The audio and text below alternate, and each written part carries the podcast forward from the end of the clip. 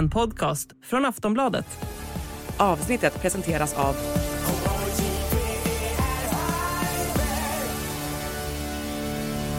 Stödlinjen.se, åldersgräns 18 år.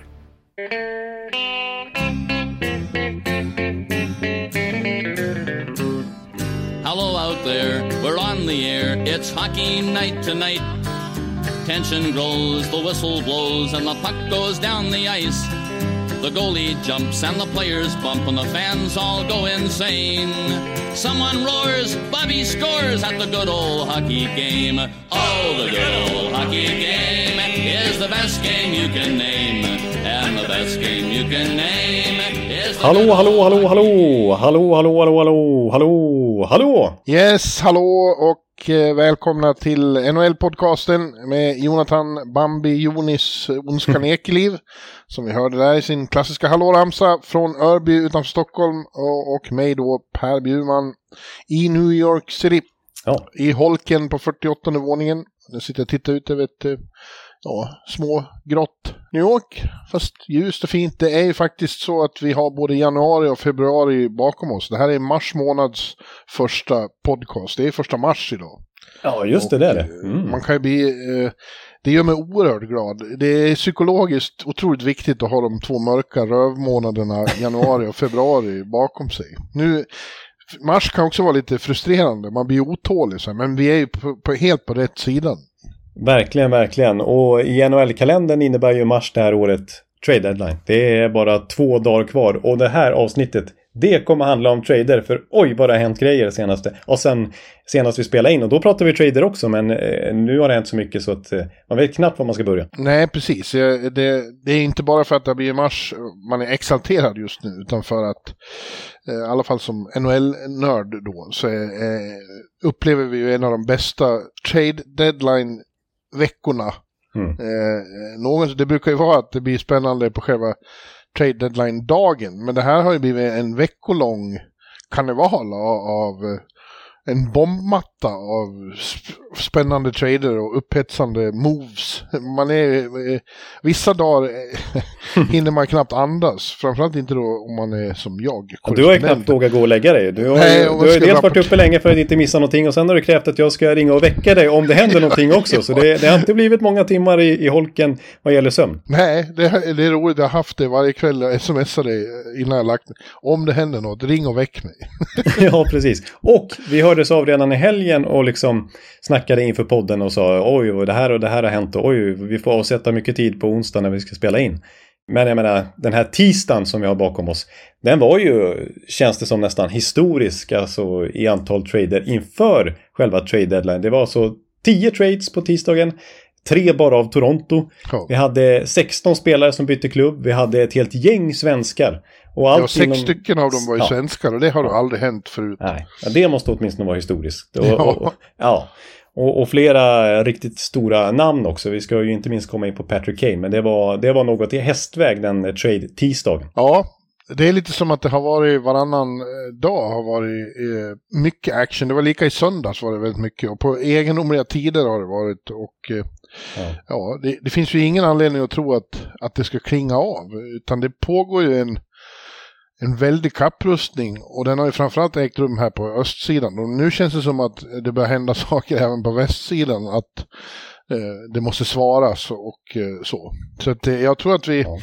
Vi spelar in det här nu på, vad är det idag? Jag är helt dagvis. Ja, man, man glömmer bort dagarna, men eh, jag kollar upp här och det är alltså onsdag när vi sitter här just nu. Klockan är snart, eh, ja den är 18.30 prick faktiskt, svensk tid. Det, det är bra att markera det, för att det, vis, alltså det kommer ju liksom Jag hända mer saker. Ja. Jag kollade upp det här, det är Ja, onsdag. men det känns lite så liksom. Vad är det för dag egentligen? Det har hänt så mycket som man har ju tappat bort sig. Man vet i alla fall att det, det är på fredag 21.00 svensk tid som själva deadline sker. Då kommer det inte hända något mer i alla fall efter det. Nej. Eh, Den tidpunkten. Mm. Eh, och som sagt, det, det kan alltså hända saker medan vi spelar in och därför eh, måste vi hålla koll samtidigt på Twitter då. De, de, the big insiders som man kan, eh, ja, kan vi rapportera live ifall det händer något, eller typ live då. Precis. Ja, ja. Ja, men låt oss, vi ska gå igenom de här traderna nu och sen spekulera lite på slutet. Och jag, som jag skrev i bloggen igår, det här kan bli en, lika lång podcast som ett eh, Fidel Castro-tal i Havanna 1975 när han talade flera dagar i sträck.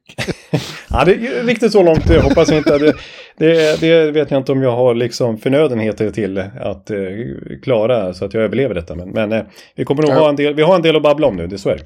Ja, det blir tråkigt. För, till skillnad från oss så kunde han, diktatorn, tvinga människor att lyssna i flera dygn också. Det kan ju inte vi. Nej, riktigt den makten har vi ju faktiskt inte, som tur är. Ja, Nej. ja men vi är... Det blir delvis kronologiskt, men vi måste ju börja med den, den stora Blockbuster Splash-traden. Det var ju ingen överraskning när den, när den eh, till slut kunde genomföras. Men eh, det är ju ändå om man ser på den utifrån, en av de mest spektakulära traderna under hela cap-eran här. Och det, vi mm. pratar ju då såklart om att Rangers, New York Rangers har tradat till sig Patrick Kane, Chicago Blackhawks-ikonen. Det är ja. verkligen ingen överdrift att kalla honom det. Nej, verkligen inte. Alltså, 16 år, över 1200 matcher i klubben, tre Stanley Cup-titlar, Conn Smythe-trofé. Hårt. Eh, ja, mest poäng i hela NHL under 10-talet. Ja. Hart Trophy, ja. Calder Trophy, som du sa, Conn Smythe. Det är en av, det är en av de största NHL-stjärnorna någonsin, det är han ju. Liksom. Han, är, var ju. han var ju med då när de, eh, de hundra bästa presenterades. Ja, såklart. precis. Jag tror eh, Mark Lazarus, eh, din kompis, beatwriter i, i Chicago där, sa att han kanske är the Blackhawk. Och det är ändå ja. en Original Six-klubb. Han skrev en fantastisk text om honom igår. Ja.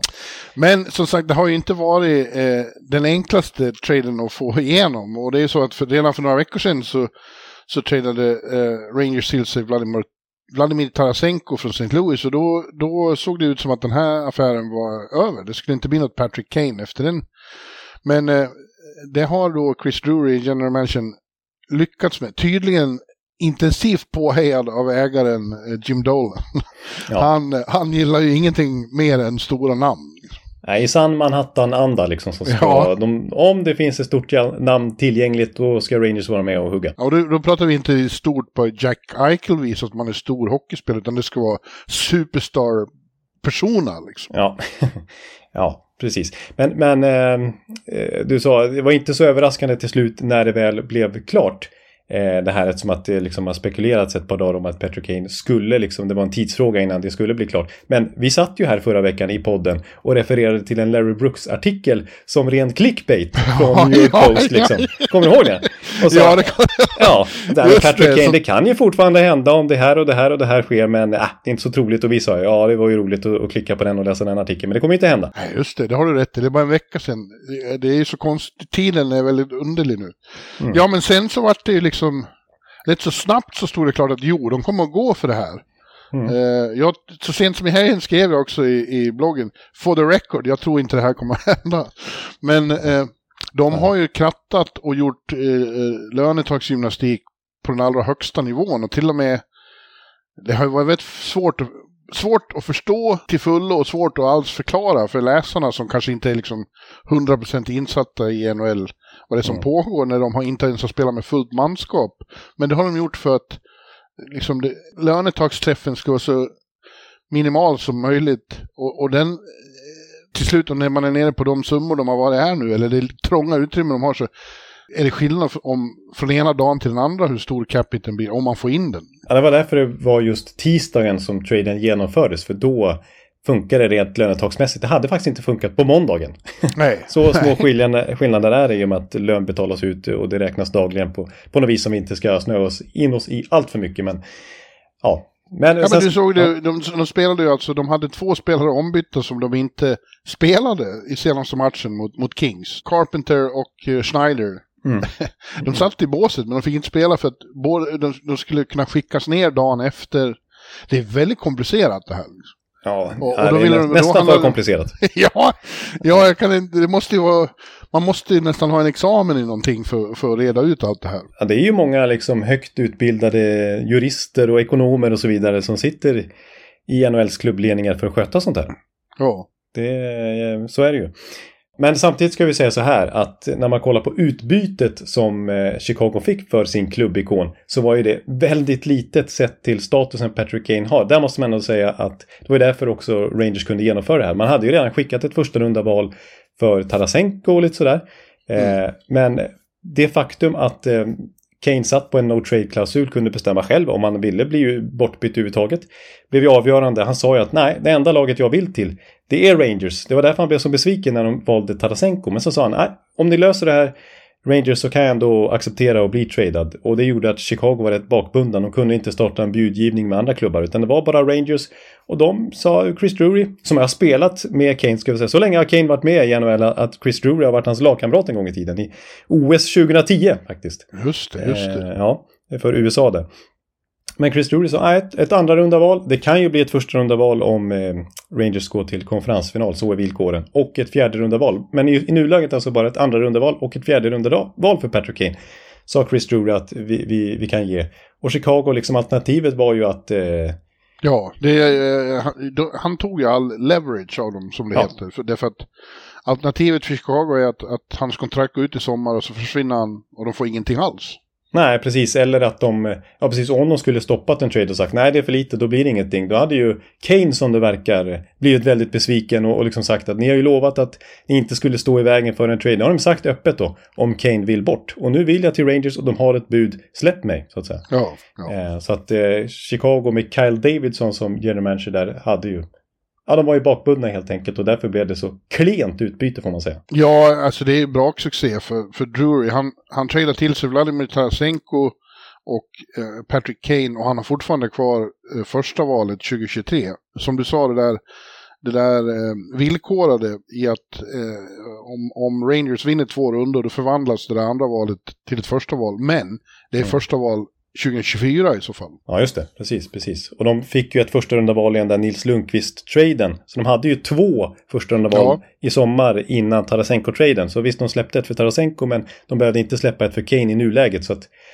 eh, de sitter alltså fortfarande på ett första runda val i sommarens draft och ändå fått in både Tarasenko och Kane. Det är ju Ja, det är faktiskt, ja, det är väldigt uh, det är en stor prestation faktiskt för en general manager, det får man säga. Sen skickar jag ett, ett lite så eh, muttrande sms till dig. Eh, där jag uttryckte då att eh, Rangers med sin dragningskraft, med Manhattan, med the world's most famous arena, med bjuder upp på pressläktaren, bara en sån sak liksom.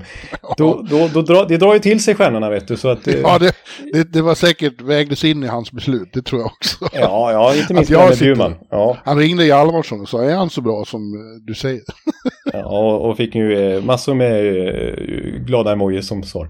Men, nej men jag tänker på Eh, alltså ett nyligt fall till exempel Panarin som, han var ju visserligen free agent men han fick ju högre ekonomiska bud från Florida och för att stanna i Columbus men gick till Rangers. Jag tänker på Adam Fox som vägrade skriva på för eh, Carolina trots att de hade rättigheterna till honom och sa att jag kommer bara, jag kommer bara vänta ut i så fall och sen skriva på för Rangers och ni får trada mig till mm. Rangers nu om ni vill ha något utbyte och då Rangers kommer väldigt billigt undan för att få en sån Norris Trophy-back som Adam Fox. Jag tänker på eh, ja, men Martin St. Louis en gång i tiden från Tampa satte Steve Eisenman i en väldigt svår sits när St. Louis plötsligt sa att jag vill bara till New York Rangers. Så att ja. Eh, det, det finns många fall där, där Rangers haft en eh, mycket leverage så att säga, bara för att de är New York Rangers. Ja, och inte bara New York Rangers, att, med betoning på New York skulle jag vilja säga. Ja, ja snarare det. Att, det. att, att det är Madison Square Garden, är mitt på Manhattan och det är ett ställe som många vill leva en del av sitt liv här, liksom i, i världens huvudstad som den kallas. Det har ju med det att göra såklart.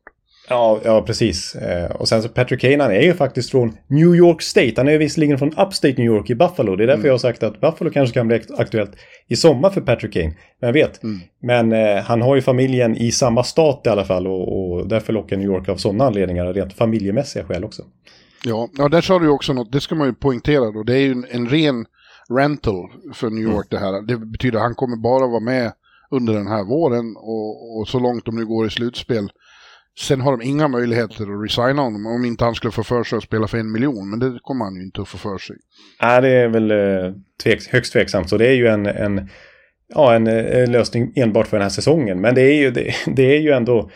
Ja, det är häftigt att se ändå med tanke på att vi, liksom när man kollar på Rangers line-up här för någon månad sedan så tyckte man ju att det är ju där på högerforwardsidan det, det har sett tunt ut liksom. De har ju, eh, Kreider Zibanejad har varit ett fint par, Trusik Panarin har varit ett fint par. Sen har det varit Visi och Goodrow och Lafreniere och Kakko och så vidare som har alternerat där. Kraftsov när han var, var i Rangers också i topp 6 där ingen riktigt har fått fäste liksom.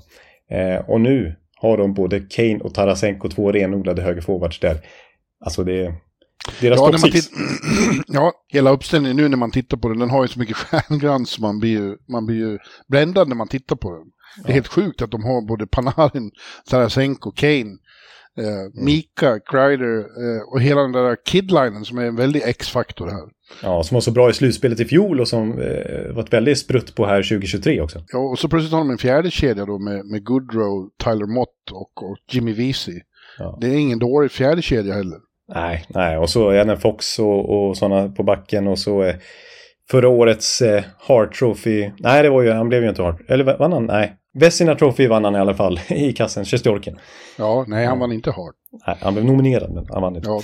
Ja, Ja, nej precis. Det är ju helt, eh, det är helt otroligt. Men då ska ju samtidigt understrykas att det är ju, som vi vet av historien, det är ytterst sällan den här sortens jättetrader får önskad effekt. Alltså nu, beror på vad man menar med önskad effekt.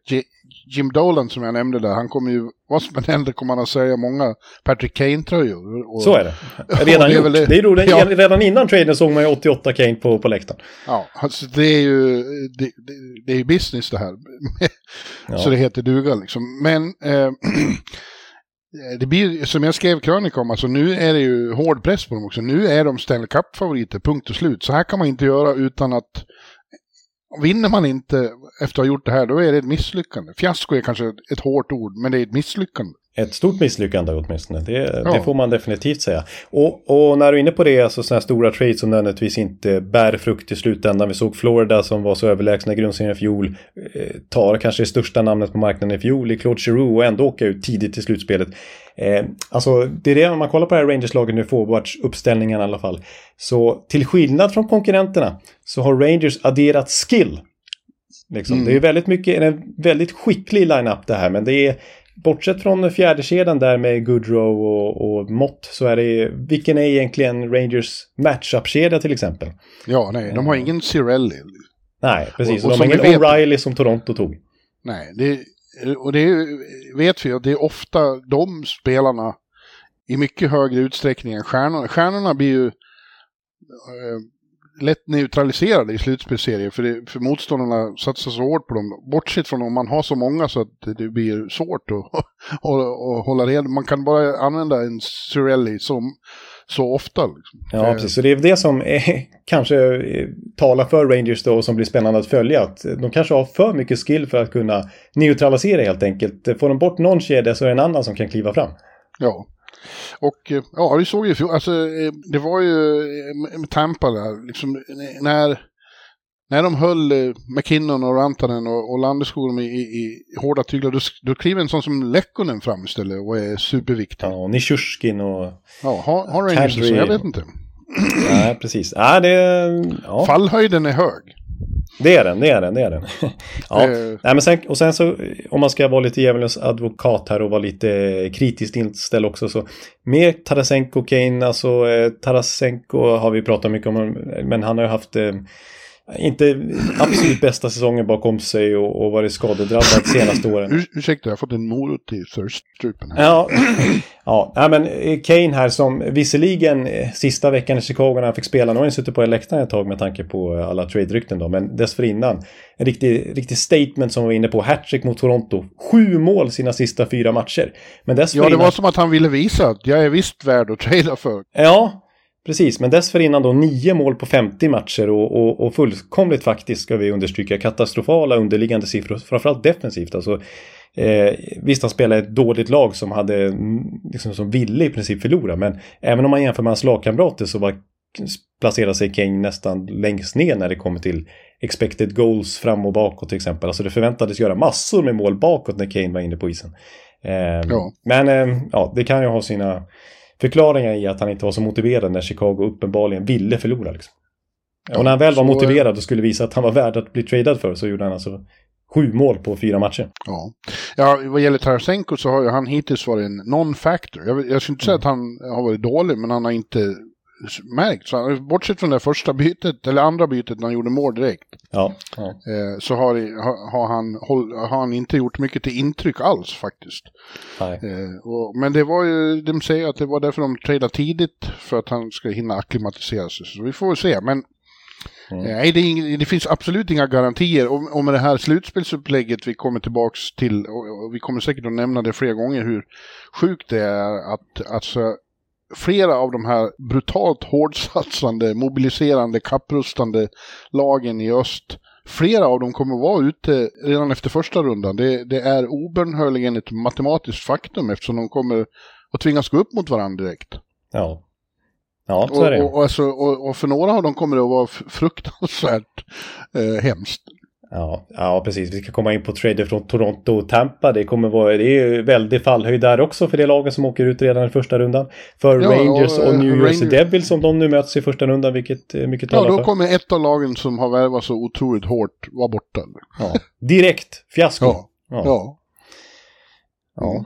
ja, så är det. Och sen så, är det, men, men Ja. eh, det hindrar inte att det just nu är väldigt bass här i New York. Från, ursprungligen hette det att han skulle eh, debutera då redan ikväll borta mot Flyers. Eh, Mm. Men eh, igår kväll kom beskedet att nej, Patrick Kanes debut blir på Garden torsdag kväll mot Ottawa Senators. Och jag kan tala om för dig att stämningen kommer att vara något otroligt elektriskt eh, Ja. inför och under den matchen. Ja, det, det kan jag tänka mig. Det är en sån match man bara måste se. Showtime på Broadway. Det är så klassiska rubriker. Det är så lätt att göra rubrik av det. Ja, It's showtime on Broadway. ja, ja, Han kallas ju då Showtime. eh, eh, ja. Och det är rätt kul för att det, det kommer ju från hans egen, det kommer ju från honom själv. Det var någon under storhetstiden där när han gjorde ett helt otroligt mål. När han zoomades in på isen medan han åkte och jublade så såg man att han åkte och sa det själv. ja showtime. Showtime. Showtime. Ja, precis. Ja, han, har ju varit, han har ju varit en eh, klatschspelare i slutspelen verkligen. Inte bara att han har vunnit de här Stanley Cup-titlarna utan han har ju alltid varit liksom Chicagos bästa poängplockare och gjort de viktigaste målen. Ja, Mika sa det igår, eller textade det igår när vi eh, frågade honom om den här traden. Han sa att ja, det stora är ju att han har vunnit förr och vet vad som krävs och så. Ja. Eh, och vi är väldigt, de är väldigt exalterade i laget. Det intressanta här är att de, några av de unga killarna är extremt exalterade. Hytel och sådana har sagt att Patrick Kane var min idol när jag var liten, nu ska jag spela med honom. Ja. Men apropå Mika och en sak vi kan prata om också innan vi går vidare från den här traden och hugger tag i ännu fler som har hänt här så jag menar just Mika blev ju, ja, vi trodde att han blev skadad här i, i Kings-matchen. När han fick ett skott, eh, stenhårt Doughty-skott på ankeln och inte kunde stödja på benet och, och det var liksom eh, Det var helt tyst i Madison Square Garden. Ja, det, det, det där är ju en, en, en faktor som ska vägas in i det här som man inte tänker på när det är som mest rusigt kring de här traderna. Eh, och det är ju lika för alla. Så av de befintliga som redan finns i laget, eller för den delen de man tradar till sig, kan ju bli skadade också. Ja. Eh, och det var ju... när det hände, i det ögonblicket när Mika låg på isen först och, och, och vred sig i smärtor och sen leddes ut utan att kunna stödja på foten, Mm. då, då kändes det som att ridån gick ner i New York. För att då, då plötsligt inte bara att han i sig skulle vara enormt saknad, det kändes som att det, hela den här Patrick Kane-affären dog lite grann. Därför att ta hur många sådana man vill till ett lag. Har man ingen given stor första center, då är det ju kört ändå. Ja, det skulle ju förändra dynamiken enormt mycket om, om Mika inte är med liksom eh, given första center, spelar mest av alla forwards i laget, spelar faktiskt mest i boxplay av alla forwards i laget dessutom. Ja, Eh, det skulle ju rucka på saker och ting ganska rejält liksom. Eh, då skulle de inte kännas som lika tydliga liksom supercontenders som de gör nu. Och det, det roliga är att alla inser ju det här. Så att när han dök upp i, i spelargången inför tredje då, så var det kvällens högsta jubel. Ja. Och för första gången blev det så här, Mika-ramsor. Ja. Han har aldrig haft några egna ramsor, inte ens då när han gjorde fem mål med dig som vittne. Nej. Så var det riktigt mycket, men nu var det liksom, hela garden exploderade i lycka över att han var tillbaks bara. Och så gjorde han mål dessutom. Ja, ett snyggt jävla, det där direktskottet alltså, Jesus Christ. ja det, är, det, det är liksom det här. Jag brukar säga det att pendeln är ju liksom hela vägen upp i det välda taket. Det är nästan så Ja. att du kan känna på klubban, så högt upp eh, svingar han liksom och sen så bara, ja, det är estetiskt läckert. Ja, det är det verkligen. Det är det. Ja, nej, men det, det blir... eh, vad som än händer så ska det bli satan så kul att gå, gå och titta på dem imorgon. Det, det säger jag dig. Mm. Hottest ticket in town imorgon. Ja, verkligen, verkligen, verkligen. Det blir utan dock, det här är en sån här grej som vi skulle ha pratat mer om om det inte hade varit, alltså att det händer hur mycket som helst i NHL nu. Men det kommer inte vara med någon Keandre Miller på isen, för då får vi ändå nämna förbifarten här. Alltså, spottade just Drew Dought i ansiktet.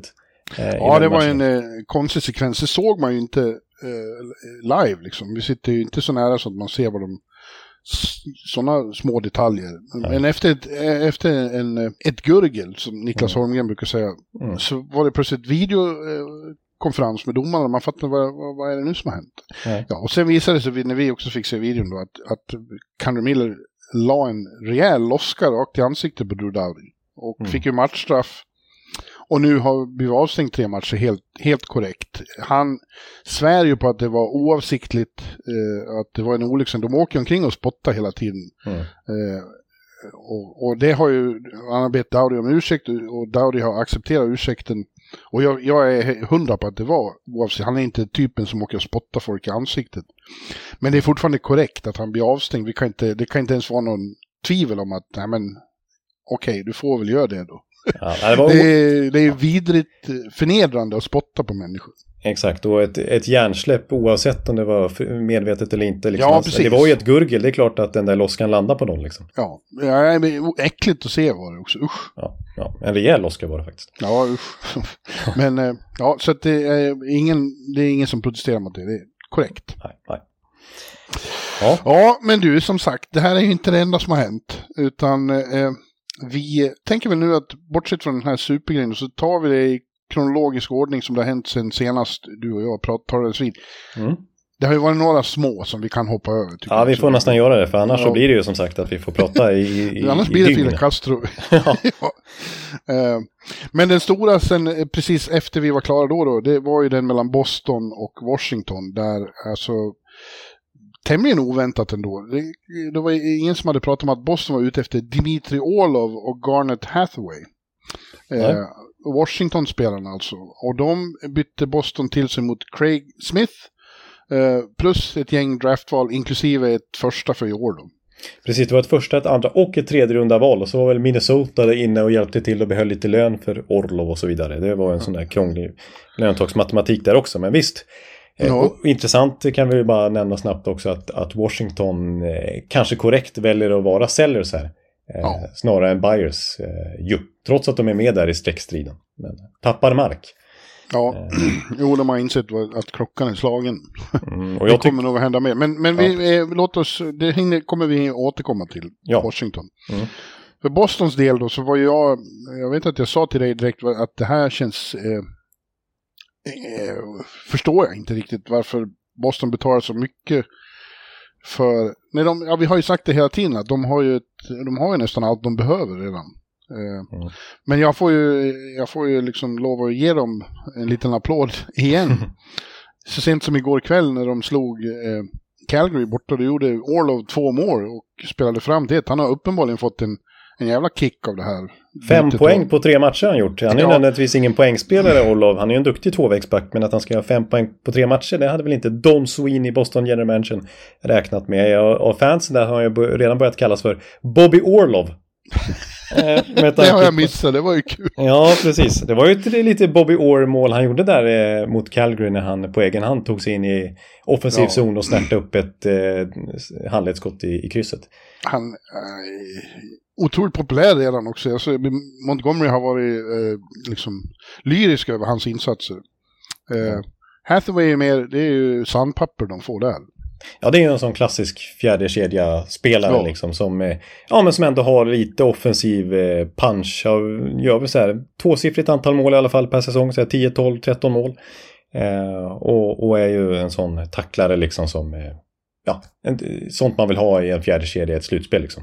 Men, men, jag höll ju inte med dig, vill jag poängtera då i, i smset då och sa jag, jag tyckte det var en bra värvning av men det är dyrt också att ge upp ett första val, det inte? Ja, men Orlov är en riktigt bra back. Alltså visst, det är ju inte det Kane-flashiga namnet på något sätt. Men är, han är väldigt användbar och, och framförallt väldigt skicklig 5 mot 5. De har ju redan ett av ligans bästa powerplay. De gör flest mål i hela NHL. Nu får de en, en riktigt användbar eh, tvåvägsback som ju ja, kanske främsta styrkan för Orlov, han är egentligen inte dålig på någonting, men, men hans kanske främsta styrka är väl omställningsspelet, att snabbt hitta en, eh, sätta ett första pass och ta sig ur egen zon och sådär.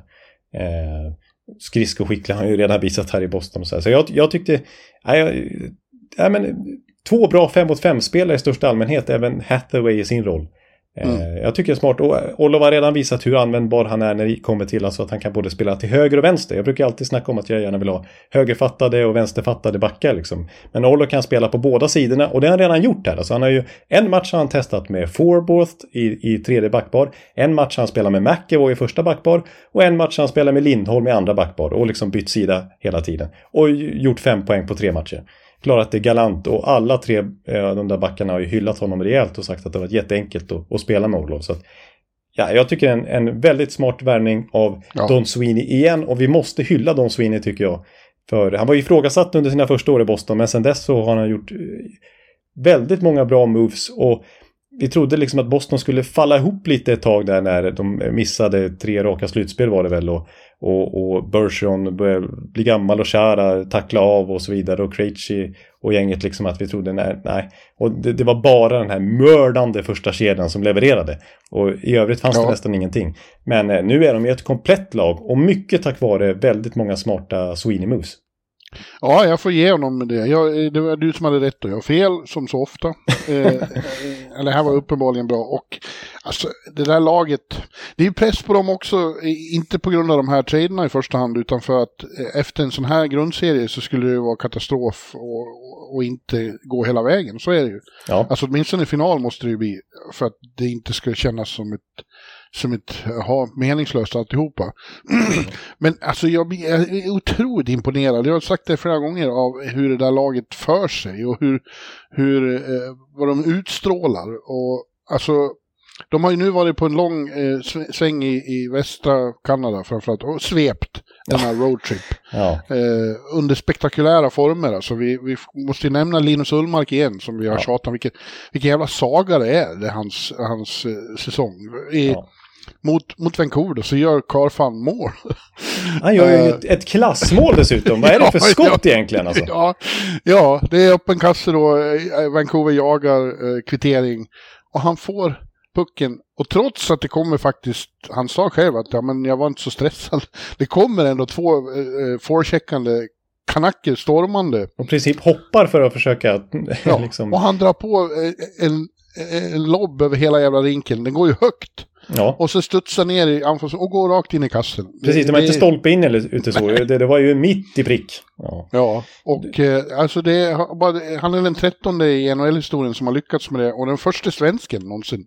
Ja, och jag såg faktiskt en annan svensk göra ett målvaktsmål förra veckan. Jag var faktiskt i, i Globen då och såg eh, derbyt Djurgården-AIK där Carl Lindbom gjorde målvaktsmål. Liksom. Och det var mm. otroligt häftigt att, uppleva på plats. Men det var ju mer en, en felträff liksom som eh, gled in alla 1962 ungefär sådär. Alltså det, det, och precis att, eh, vid snoppen liksom. Det här var ju ett, eh, en Steven Stamkos-slägga i jämförelse. Ja, jag, jag, kollade faktiskt igenom, det finns på YouTube då, alla eh, målvaktsmål i NHL-historien. Mm. Jag tror, eh, vad hette han i Islanders? Billy... Billy Smith. Ja, han var den första. Men flera av de målen var ju så här, där målvakten råkade ha varit den sista på pucken och sen är det ja, motståndarna som, som drullar in pucken i egen tom kasse. Ja. Självmål helt enkelt. Ja, ja. Eh, men några har ju gjort den här sortens mål. Eh, Pekka Inne var den senaste 2019 då. Jag såg det där, jag, jag som alla andra bara skrek ju rakt ut här i holken. Han gör det, han gör det. Liksom. Eh, och TV-pucksglädjen i, resten av laget var ju helt rörande att se. De var ju så fruktansvärt glada för, för Linus skull. Det var faktiskt eh, till viss del i alla fall stående ovationer från Canucks-publiken också. Ja, ja, ja man, man, det där är ju något man aldrig får se. Eh, och eh, ja, dels det då, och sen igår eh, när de är trötta, slitna, helt, eh, delvis helt utspelade av ett jagande Calgary. Mm. Ja, då, då radade han upp 54 räddningar. 54 räddningar, ja det var ju, det var ju sanslöst. Och, och Jim Montgomery sa ju att han hade dåligt samvete för att ja. Calgary förlorade den matchen. Han, han bad om ursäkt för att Ullmark var så bra. Mitt hjärta blöder för Calgary förlora en sån här match, men tyvärr, vi har Linus. Mm. mm. uh, ja. Han, är, han kommer vinna Vesina, det tänker jag, det tänker jag ta om för det nu. Ja, och så vill jag återigen då koppla det här till Don Sweeney, General Mansion och hylla honom. Det var ju ändå lite ifrågasatt det här äh, relativt dyra kontraktet tyckte man då med Linus Ullmark inför förra säsongen. Ni, ni har ju denna Jeremy Swayman som är så lovande målvaktstalang och det var ju inte säkert att Tucka skulle lägga av då utan han skulle ju komma tillbaks någon gång under säsongen och varför ska ni peta in en så här dyr målvakt i alltihopa i den här ekvationen? Alltså Linus Ullmark är just nu NHLs bästa målvakt men han är bara inom citationstecken den 14 bäst betalda målvakten. Alltså 5 miljoner dollar i löntagsträff i flera år till för Linus Ullmark känns just nu som rena rama fyndet Sweeney. Ja. Men låt mig fråga en sak. De, de alternerar ju, de, i princip spelar de ju varannan match nu, Linus och Swayman. Ja. Eh, tror du att de kommer fortsätta så i slutspel? Förmodligen inte va? Då måste, de Nej. nästan, då måste de ju nästan bestämma vem som är första. Ja, jag gillar inte, alltså även om det är väldigt tätt matchande i slutspel och att det skulle make sense på det viset då att alternera även då. Så, så är det, ju- vill man ju helst ha en målvakt man går med. Ja. Eh, då liksom och, och jag har väldigt svårt att säga att det inte skulle vara Ullmark såklart. Eh, då. Eh, Hela tiden. Ja, nej, eh, eh, alltså läget i Boston är så ljust som det kan vara. Men det är också press. Jag ska bara komma ihåg det. Det är krav nu att det här ska följas upp på rätt Mm. sätt. Mm, Det känns det, dock som att de har ett attityd att de vet det själva också. De vet allting i Boston. ja, det verkar, det verkar faktiskt så. Ja, men nu går vi vidare. Mm. Eh, en emellan där då som var bara för att eh, fixa löneutrymme på Manhattan var ju att eh, unge Vitali Kravtsov då tradades till eh, Vancouver mot eh, en eh, utfyllnad spelare i William Lockwood ett sjunde val 2026. ja, det har varit mycket så här 2026 draftval och 2025 och allt möjligt här för att få ihop det på sina håll.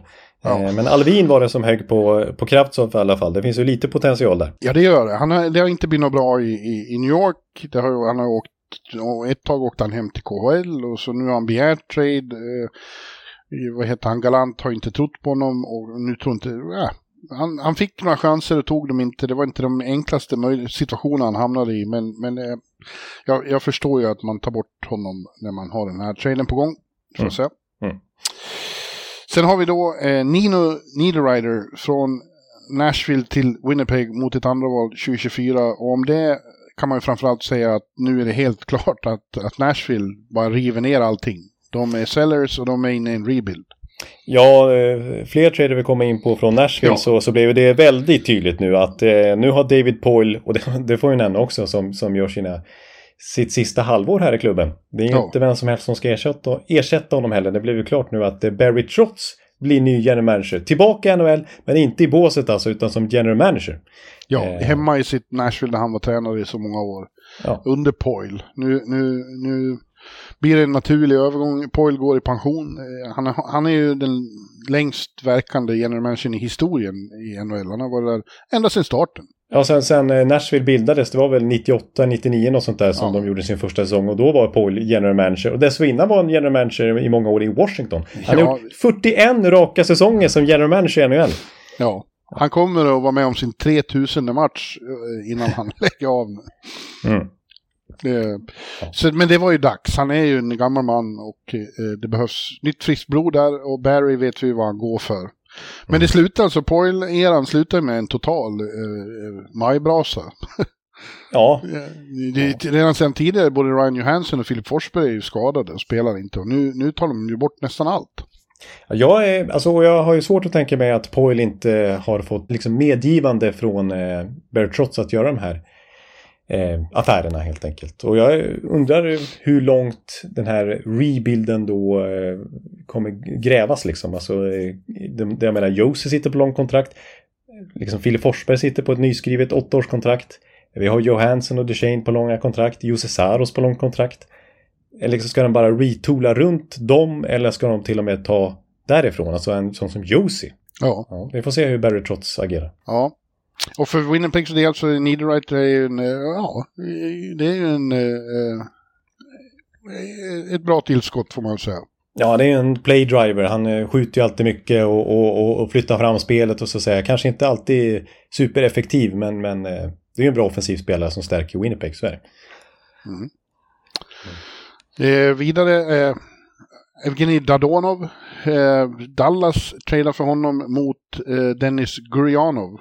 Eh, mm. Tråkigt för Gurianov och plötsligt få ena stunden med ett topplag i väst och nu är i ett rebildande Montreal som inte är i närheten av några slutspel.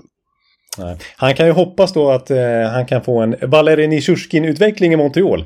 Liksom, eh, det senaste Eh, Dallas höll på ett tag en, en rysk gammal första rundare, spännande talang eh, som inte lyckades i Dallas var ju Nishushkin som ju gjorde noll mål sin sista säsong i Dallas innan man till slut köpte ut honom. Och så mm. har han ju ex fullkomligt exploderat i Colorado istället och nu hoppas ju Montreal att de kan få fart på Gurianov som ju också är ett gammalt första runda val och har haft några spännande perioder i NHL men inte, nej, inte riktigt slagit igenom på det sätt man trodde för några år sedan. Och, och, nu hoppas ju Montreal istället förlösa den potentialen. Och vad hoppas Dallas med Dadonov? Han är ju också en, eh, ja, ett, ett komplement i slutspelspussel. Precis. Han, han börjar ju bli lite till åren nu och har studsat runt mellan många klubbar senaste åren. Och, eh, men har ju varit en 60-70 poängspelare en gång i tiden i NHL och har haft Peter Bohr som tränare i Vegas också. Eh, mm. Så att de, de tycker väl att Dadonov bidrar mer nu i kommande slutspel här än vad Gurjanov som knappt platsa har gjort den här säsongen. Ja. Ja, Dallas är, eh, de är lite vingliga, det är lite ojämnt tycker jag. Men när de är som bäst då är det ett väldigt eh, eh, potent lag. Mm, ja, vi får se om de gör mer också för att eh, ja. det känns ändå som att Dadonov, det, var ju liksom snack om Patrick Kane du, innan det blev klart att Kane absolut bara ville till Rangers då. Men det, det kändes ju som att det var hetare namnen Dadonov som skulle in i det där laget för att stärka upp inför slutspelet. Så, men de kanske inte är klara då? Nej, jag säger ju det. Det är, det är i första hand öst vi har sett en enorm kapprustningar eh, ja. senaste veckorna. Men nu började, nu gjorde ju, vi återkommer till det, Edmonton gjorde sitt stora drag häromdagen, mm. igår. Uh, och, och, det känns som att det kanske i väst det kommer att hända de stora sakerna här sista dagarna innan deadline. Ja, jag menar Colorado väntar jag på. Ja, vänta, ska vi, de ska vi prata om alldeles mm, strax. Mm, mm. Uh, ja, det kommer, du har nog rätt. Det kommer hända mer med Dallas, det är jag övertygad om. Mm. Även om marknaden börjar tunnas ut uh, så när det har gått så här långt, vi såg ju det igår, då, då dök det upp namn som det inte har spekulerats en sekund om. Det, det är liksom, den lågt hängande frukten har plockats nu ja. snart. Men då kommer det, eh, då klättrar man längre upp i trädet där det hänger äpplen som vi inte trodde alls skulle eh, Nej. bli plockade den här säsongen. Nej, vi spelare som har kontrakt eh, över liksom, ja. överskådlig framtid blir helt plötsligt trade baits. Liksom. Ja, vi får se. Det kan mycket väl bli så. Mm. Och då är ju då är det all bets are off. ja, då kan hända vad som helst. Ja. ja. Och det har vi redan lärt oss eh, senaste veckan. Mm. Ja. Eh, vi kan också konstatera då att eh, St. Louis fortsätter montera ner allt de äger och har. I, Ivan Barbashev eh, mm. till Vegas för eh, talangen Zach Dean. Ja, han är väl gammalt första runda val väl för Vegas så det var väl en, eh, ett okej utbyte ändå för Barbashev. Ja, eh, Barbashev. Varför sa jag? Barbashev? Barbashev kanske? Nej, det är du som säger rätt. Barbashev, det är så man säger. Jag, jag mina jävla uttal. Ja, då är inte jag någon expert heller på området. Det har jag ju fått höra. Men eh, ja, ja visst, det är, det är en bra värvning av eh, av Vegas. Han gjorde 60 poäng i fjol, har väl gjort det okej okay i år i ett svagt St. Louis. Var med och vann Stanley Cup 2019 i en framgångsrik fjärdekedja den gången ihop med Sunken och Sten. Ja, jag skulle säga det, de, de var ju otroligt viktig komponent när, när, när Blues vann. Och det, det pratade ju Berube om häromdagen, hur, hur eh, den kedjan gjorde allt för dem. Ja. En, av de bättre, en av de bättre shutdown-kedjorna på senare år, som har varit så tydlig liksom, i ja. sin roll. Ja, det var ju vissa liksom, matcher i slutspelet där som de spelade 18-19 minuter. Som om ja. de vore en första kedja i princip. Ja. Eh, och det gick hela vägen till en Stanley Cup-titel. Nej, så att Barbashev är väl en, en, bra spelare att få in i Vegas. Men med tanke på löneutrymmet som öppnat sig nu med, med Stones skada så eh, förvånar det mig inte om eh, de giriga snubbarna uppe i Vegas-ledningen eh, är ute och, och klättrar i trädet igen. Absolut, de, kommer, de kan klättra hur högt som helst. Ja. Högst upp i toppen hänger ju en polstjärna som heter Erik Karlsson. De kanske är ute efter den. Ja, vem vet alltså. Nej, men det känns som att det, det kan hända grejer i Vegas fortfarande. Jag tror inte ja. att Barbashev nödvändigtvis är deras stora juvel eh, den här trade deadline. Det är liksom Nej, att, men det känns som ja. ett väldigt bra komplement. Eh, alltså ja. vad gäller så här djupet och shutdown-kapacitet.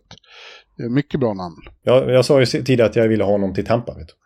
Just det, just Tampa kommer vi till alldeles strax. Ja. Eh, men först så kan vi konstatera att Colorado tar tillbaka Jack Johnson eh, som var med vann Stanley Cup och sen skrev på för Chicago. Han återvänder nu efter kort tid i en eh, trade mot Andreas Englund, svensken. Ja, precis. Det kändes ju lite oväntat då. Men han eh, blev ju uppenbarligen populär i omklädningsrummet och så. Liksom good guy in the room då. Och sen så bidrar med en hyfsad defensiv stabilitet med sina 8-9 minuter per match. Liksom Ja.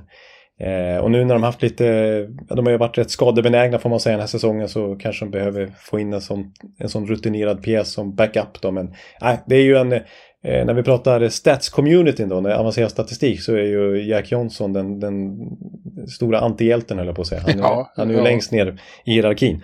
Eh, men Ja. Men det gick ju bra. Eh, han var med och vann Stanley Cup. Och jag vill ju säga att ja, de, det har ju varit en so-so säsong för Colorado så långt. Men nu är de on the rise. Jag tror att Colorado kommer att bli svinsvåra att slå i slutspelet igen. Ja. Ja, nu, vissa matcher på slutet så har de spelat med sån fart som de gjorde i fjolårets slutspel när det bara, de bara blåser bort motståndarna från banan. Och det är utan eh, faktiskt, ska vi säga, Cale McCarr som ju lite oroväckande har hjärnskakningsproblem nu. Hoppas verkligen att han kommer tillbaks. De har fem, sex raka nu. Eh, och flera, och, Gabriel Landeskog är fortfarande borta. Eh, Han börjar nästan se ut som ett eh, Kucherov-fall. Att han kanske kommer tillbaka först i slutspelet. Ja, precis. Och det, då finns det ju löneutrymme här för Colorado att plocka in något, Ja, det kan hända något något mer. ansenligt. Mm. Ja, men eh, ja. Ja, då får de klättra högre i trädet. Ja, nej, men det är den där andra centerpositionen, en Nasem Kadri-ersättare de behöver. Mm. Apropå liksom plocka lite högre upp i trädet så har vi sådana namn nämnts. Alltså som, som har kontrakt över tid här som inte är rena rentals nödvändigtvis. Alltså Kevin Hayes i Philadelphia. Ja, Eh, som där Philadelphia sägs ja men vi, vi ska ja. komma till dem som, eh, vi ska avsluta med dem som, eh, Ja, men den typen av namn låter som att eh, Colorado kanske är ute efter dem. Kevin Hayes vore ju fan inte dumt alltså. Nej. Ja, men sen kommer vi till en av de här traderna där, där frukten hängde så lågt så grenen höll på att gå av. Vad kul att vi hamnade i det här trädet. Ja, det blev hade, trädfokus. hade jag inte en aning om att vi skulle Nej. göra. Nej. Nej, eh, men här hängde ju då, eh, alla var och, och röck i det här äpplet eftersom det var precis eh, ovanför marken. Ja. Och det är Timo Meyer då, som var en av de, ja, ja, de stora fiskarna där ute. Nu blir det mycket liknelser. Ja. Och det är New Jersey Devils då, som, som vi har pratat om, eh, att han var väldigt, en, en perfekt target för dem. Och, och de, eh, de lyckas med det. En, en mer kraftfull, stor och stark, ja, lite power forward faktiskt. Ja, precis. Över 100 tacklingar den här säsongen. Han är inte rädd för att slänga runt sina 100 kilo in i sarghörnen och sådär och framför mål och sådär. Och så skjuter han ju tredje mest i hela NHL. Typiskt Ja. power forward liksom. Direkt, väldigt Ja. så in på målinstinkt har han ju. Ja. Och Över 30 det, mål ska vi säga också den här säsongen. Ja, det är exakt det enda som har saknats i, i Devils offensiv i år. Eh, Mm. Och de får då ge upp en hel del. Eh, eh, det är ju villkorat första val, det är Fabian Zetterlund, det är Andreas Jonsson, det är andra val 24 och sjunde val 24. Och så åkte ju Scott Harrington med då eh, till New Jersey, blev wavad och plockad direkt. Ja, det var alltså 13 komponenter i den här traden, vilket gör att man Ja. förstår att det kanske drog ut lite på tiden. Alltså, Ja. jag, har ju, jag har ju sagt, som vi sa här, eh, att, att Meyer eh, och, och liksom skulle bli tradad till New Jersey ett tag har det hetat. Men när det var så här många komponenter och så mycket lönetaksfrågor hit och dit eh, så förstår man varför det, det dröjde ett tag innan de kunde trycka på knappen. Ja, precis. Men eh, väldigt, väldigt bra för New Jersey tror jag. Alltså han har ju inte för den breda allmänheten är det inte samma slags namn som Patrick Kane, men han kan vara en, en ännu större succé än, än Kane. Precis, och, och det här är dessutom långsiktigt för, för eh, Sharks, eh, eller för Sharks. Eh, definitivt inte för Sharks, eh, men för, för Devils då. Att få Mile. Visst, han är ju restricted free agent i sommar så de måste skriva ett nytt kontrakt med honom. Och som vi varit inne på i tidigare poddar har han sitt qualifying offer på 10 miljoner dollar. Tvåsiffrig capita då liksom i miljon, miljoner dollar. Så att han blir dyr att förlänga med och de ska dessutom förlänga med Jesper Bratt här. Så det blir lite jobb för Tom Fitzgerald att liksom eh, komma under Ja. lönetaket i sommar. Ja, men de, de har ju då inte, de har inte gjort som Islanders gjorde med, med Bo Horvath och, och signa honom direkt. Eh, och, men och det, jag var inne, indragen i en diskussion på Gardenham sisten. Om de eh, signar Timo Meyer och ger honom marknadsmässig lön, då blir det väldigt svårt att behålla Jesper Bratt. Han ska ju också ha väldigt hög lön. Ja, jag tror att de klarar det, men jag tror att Fitzgerald ångrar att han inte skrev ett längre kontrakt tidigare med Bratt. Det blev ju bara ett ettårskontrakt igen inför den här säsongen och det har varit så några år nu. Eh, de hade verkligen gynnats, eh, New Jersey, av att tro på Bratt tidigare. Och Ja. vågat skriva sånt här längre kontrakt som många andra lag gjort med unga spelare. Men de har ju liksom inte eh, vågat lita på att Bratt ska bli den här spelaren han är nu. Nej, och då tog ju, den, det här har ju Jesper utnyttjat till max i år. Mm. Genom att göra en helt sensationell säsong och är en av deras absolut bästa spelare. Ja, Så att hans marknadsvärde har ju stigit. Eh, ja. Skulle han hamna på fria marknaden så kommer det bli huggsexa om honom. Det kan jag ta om för. En ekonomisk fullträff eh, hur eh, liksom Bratt har förhandlat sina kontrakt hittills i karriären. Så att, Ja. ja. Eh, de här svenskarna då som gick i andra riktningen, Fabian Zetterlund har ju varit bra i år. Eh, Mm. Jag är bara rädd att han nu ser mig som ett troll. För att eh, några matcher innan, några dagar innan den här traden träffades vi för första gången. Jag sökte upp honom i omklädningsrummet och, och hälsade och presenterade mig och pratade ett tag. Mm. Ett par dagar senare är han tradad, så han kan se mig som den stora jinxen. ja, just det. Nu, när du dyker upp i, i San Jose nästa gång, då, då, eh, Springan. då, då, då springer han iväg. Liksom. Ja. Ja, ja, men jag kan tänka mig att han är lite missnöjd å, sin sida att han lämnar det här väldigt unga spännande Devils-laget där han blev en väldigt lyckad komplementspelare den här säsongen. Å andra sidan lär han få minst lika mycket speltid nu i San Jose. ja. Eh, Ännu mer så för Andreas Jonsson då, som ju eh, efter många fina år i NHL huvudsakligen har varit på farmen den här säsongen och bara spelat med, med alltså, med, Utica. A, ja, med AHL-laget. För honom är det ju såklart ett lyft att få komma till eh, San Jose nu och få spela. Spelade över 16 minuter i första matchen igår. Ja. Eh, och få vara med Erik Karlsson och allt. Precis, han är ju, fungerar som någon slags lönedump för New Jersey i den här traden. Men, men han förtjänar ju egentligen att spela i NHL. Han har ju, han har gjort, som du säger, många fina säsonger. Det är bara så här 27-28 år liksom. Så att eh, han kan bli en NHL-spelare igen nu i San Jose. Det räknar vi med. Ja, Eh, ja. ja. ja men, Jag vill trodde ett tag att Holt skulle åka med i den här och att han och William Eklund på något sätt skulle eh, återförenas.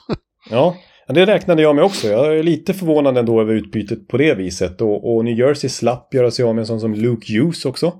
Ja. Jo, deras stora talang. Dawson Mercer som är så bra redan nu i laget var också en sån där äh, komponent som nämndes som, som skulle Ja, det var mycket rykten om att han skulle ingå i den här traden. Ja, att Charles skulle en- kräva det för att släppa Meyer. Men eh, nej, det blev, det blev, alltså de stora komponenterna är ju två första runda val och eh, då Shakir Makhmoumahadouli, alltså jag kan inte uttala det ryska namnet, men han är ju redan en etablerad, bra KHL-back just nu, var ju första runda valet för Devils, ett av deras första runda val 2020. Så det är ju en fin talang som San Jose får, men det hade nog smält ännu högre med en sån som Holtz eller en Mercer eller en Luke Hughes inte minst. Ja. Du, innan vi går vidare nu ska jag gå och hämta kaffe. Är det okej? Ja, det tycker jag du ska göra, så att vi kan Mm. hålla på ett tag till. Prata lite om Meyer. Ja. Ja, nej, men det är klart att det, det blir spännande att se Mayer i New Jersey. Det blir spännande att se också. Det kanske ni redan vet när ni hör det här, för att eh, då kanske det har utkristalliserat sig vilken kedja han initialt ska placeras i. Blir det med Jack Hughes? Oj, oj, Timo Meyer och Jack Hughes. Det, det ser man ju verkligen fram emot att se. Eller blir det med sin schweiziska polare Nico Hischer? Alternativen är ju, är ju väldigt spännande men ja, än så länge när vi sitter och spelar in det här så vet vi inte exakt hur, hur Meyer kommer att användas men oavsett så, så, så känns han ju som en eh, klockren pusselbit. Yes. Ja, det varit en bra eh, segway här, för nu går vi till ett lag som ligger dig varmt om hjärtat. Oj, den här traden ja. Eh, det är ju Tampa då. Och vi fortsätter med, med, med eh, Nashvilles Fire Sale. ja. De skickar alltså Tanner, ja, hur säger man? Tanner Chenot. Chenot, är det Mm. man säger? Ja, här sitter jag och säger Gianot. Som Ja, det kan jag säga att det är i alla fall fel. Då är nog Chenot närmare verkligheten. Ja. Ja, Tanner Geno från Nashville till Tampa och Tampa betalar något alldeles oerhört mycket för honom. Ja, precis. Det var ju så att eh, en sån, liksom, att insiders som eh, till exempel Frank Saravelli och Pierre LeBrun och de här, eh, när de har pratat med andra general manager runt om i ligan så, så har de sagt att, eh, liksom, jaws on the floor. Att det var, de, de tappade bokstavligen hakan. Helt Ja. enkelt över utbytet. Det är så att eh, Tampa, för Tanner Chenot, så skickar Tampa Cal Foot, liksom en gammalt första runda val, back. Du, du, du, du, vänta jag har en trade. Oj, En live trade. jaså, vad har vi nu då? Lars Eller från eh, Washington till eh, Colorado Avalanche. Jaha. Jaha. Lars Eller hamnar i Colorado. Det var väl inte vad vi hade räknat med riktigt.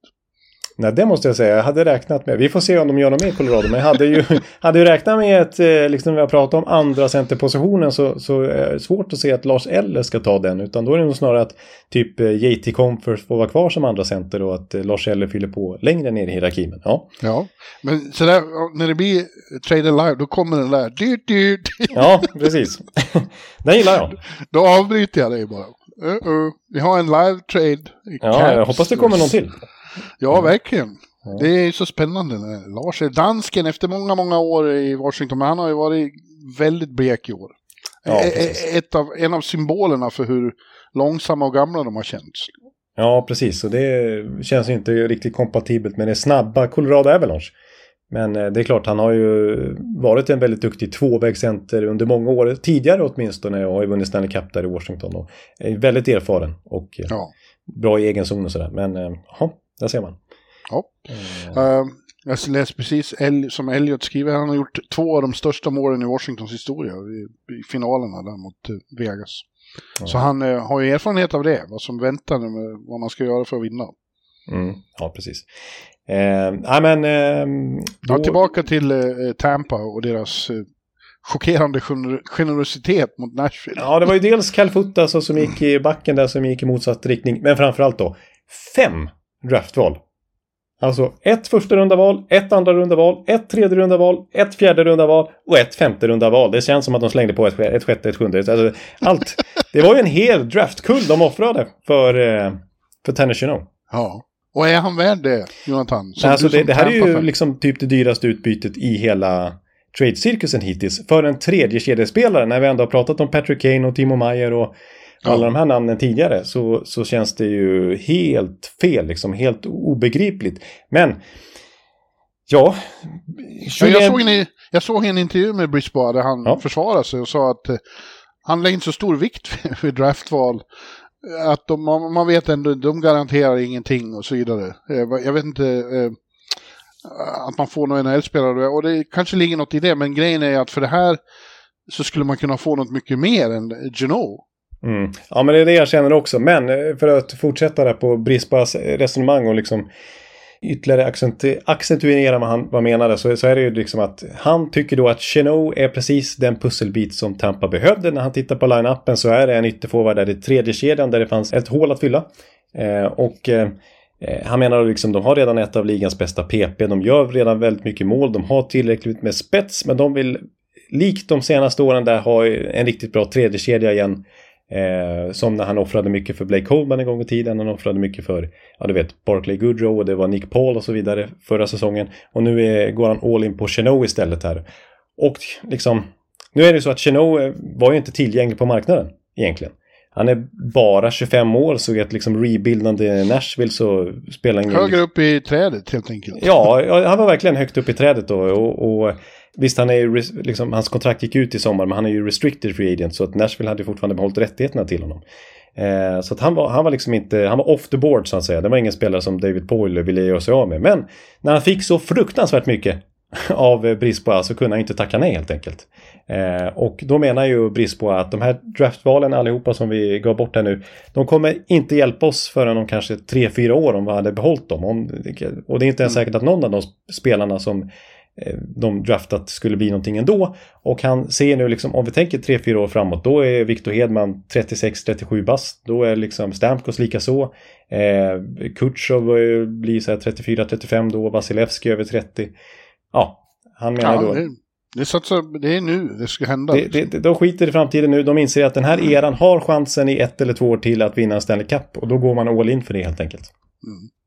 Och du tror på honom att Geno är den typen av spelare som...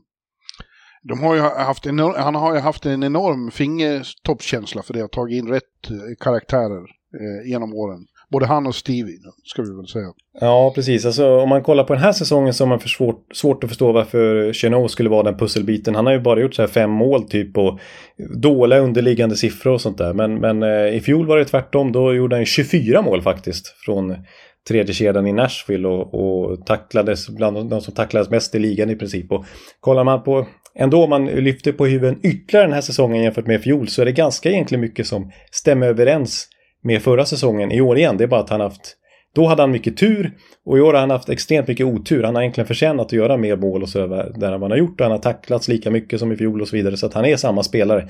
Det är bara att det inte har studsat hans väg. Precis som det inte har gjort för någon i Nashville egentligen den här säsongen. Så att, eh, ja, man hoppas att, att det ska liksom lyfta honom igen att komma till ny miljö i, i Tampa och bidra med exakt det han har gjort spelmässigt i Nashville. Ja, vi får se då. Du har ju pratat länge när vi har diskuterat Tampas eventuella moves att de inte har någonting ge upp och nu har de då verkligen ännu mindre. Ja, nu har de ju absolut ingenting. Nej. Jag skulle nog vilja ha in någon till breddback och sådär, men vad ska de göra då? Ska de offra hela 2025 års eh, draftkull också då? Liksom, eller? 2027? Ja, ja, ja visst. Det... Ja. Ja, nej men det... Ja.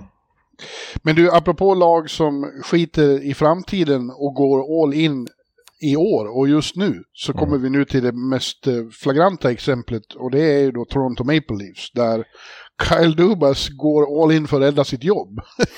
ja. Det är ju så här att om han misslyckas i år igen, då, då får han förmodligen inte förnyat kontrakt. Utan då, då är det slut på hans sejour i Toronto och nu gör han då verkligen allt, allt för att det ska eh, hända i år. Eh, vi, ja. vi, kan ta flera trader i rad här som hänt, det har ju, redan innan det här har ju hänt mycket. Han, vi har redan pratat om den enormt stora Ryan O'Reilly-traden.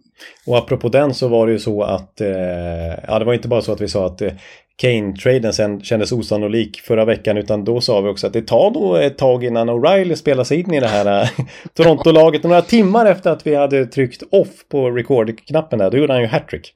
Ja, och hans kedja med, med, med Mitch Marner och eh, John Tavares, sammanlagt hade de 13 poäng i den matchen. Ja, ja. Så att, eh, han, har, han ser ut att funka bra där i Toronto får man säga. Verkligen. Men nu har de alltså, först så var det då, tog de från Chicago eh, Jake McCabe och Sam Lafferty som är en spännande spelare. Och, och draftval fick Chicago då för det. Ja, jag tycker att eh, av de här traderna, fler, fler trader vi kommer in på, så eh, tror jag kanske att det här är den bästa. Och inte då beroende på Lafferty utan främst på Jake McCabe som jag tycker att eh, där, där får Toronto väldigt mycket värde faktiskt för en ganska låg capita. Det är så att Chicago behåller hälften av hans 4 miljoners lön så att för bara 2 miljoner dollar per säsong i två år till, för han har ju kontrakt eh, ett par säsonger till, eh, Jake McCabe, så får man en väldigt, väldigt habil tvåvägsback. Eh, om man kollar på Chicago den här säsongen där det ju så har varit så miserabelt för alla spelare egentligen. Så med Jake McCabe som är så skicklig i egen zon Eh, så Chicago, är Chicago faktiskt plus i plus minus med honom på isen. Eh, plus två när Jake McCabe spelar. När han inte har varit inne på isen, då är de minus 53. Mm. Så att, eh, han var ju bra redan i Buffalo för några år sedan. Det var därför Chicago skrev ett ganska dyrt kontrakt med honom. Det var ju den sommaren de satsade och tog in både Mark-André Fleury och Seth Jones till exempel. Och så Jake McCabe på det dyra kontraktet. Han är den enda som levererat sett till förväntningarna. Ja. Och gjort en väldigt bra säsong i år igen. Så där tycker jag Toronto får mycket värde faktiskt. Mm. Ja. ja, vi fortsätter eh, den, den, eh, en mer skrällartad, eller eh, inte mer, men skrällartad, punkt och slut. Han klättrar riktigt, det klättrades jävligt högt upp i, på höjderna i trädet.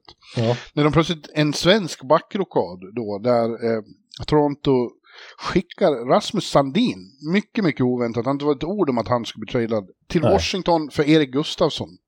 Och det här är ju den som mest visar på att, att äh, framtiden inte är fokus för Sheldon Keefe just nu. Nej, eller Kyle Dubas ja. Eh, ja, för, jag, jag har förstått, Kyle Dubas. Ja, ja, precis. För att, och, alltså, om vi backar hela vägen till eh, första självande dagarna för Kyle Dubas som eh, liksom boss i Toronto, general manager, så hans först, allra första draftval, det var just Rasmus Sandin. Ja. Från, från The Zoo, hans tidigare OHL-klubb där. Eh, där han ju sedan dess plockat många andra spelare också. Det känns som en gunstling för Kyle Dubas att han har gjort lite prestige i att Rasmus Sandin ska lyckas i Toronto. Och i tidigare trader vid liksom trade deadline så, här, så känns det som att många lag har frågat efter Rasmus Sandin. Men han har Toronto hållit hårt i.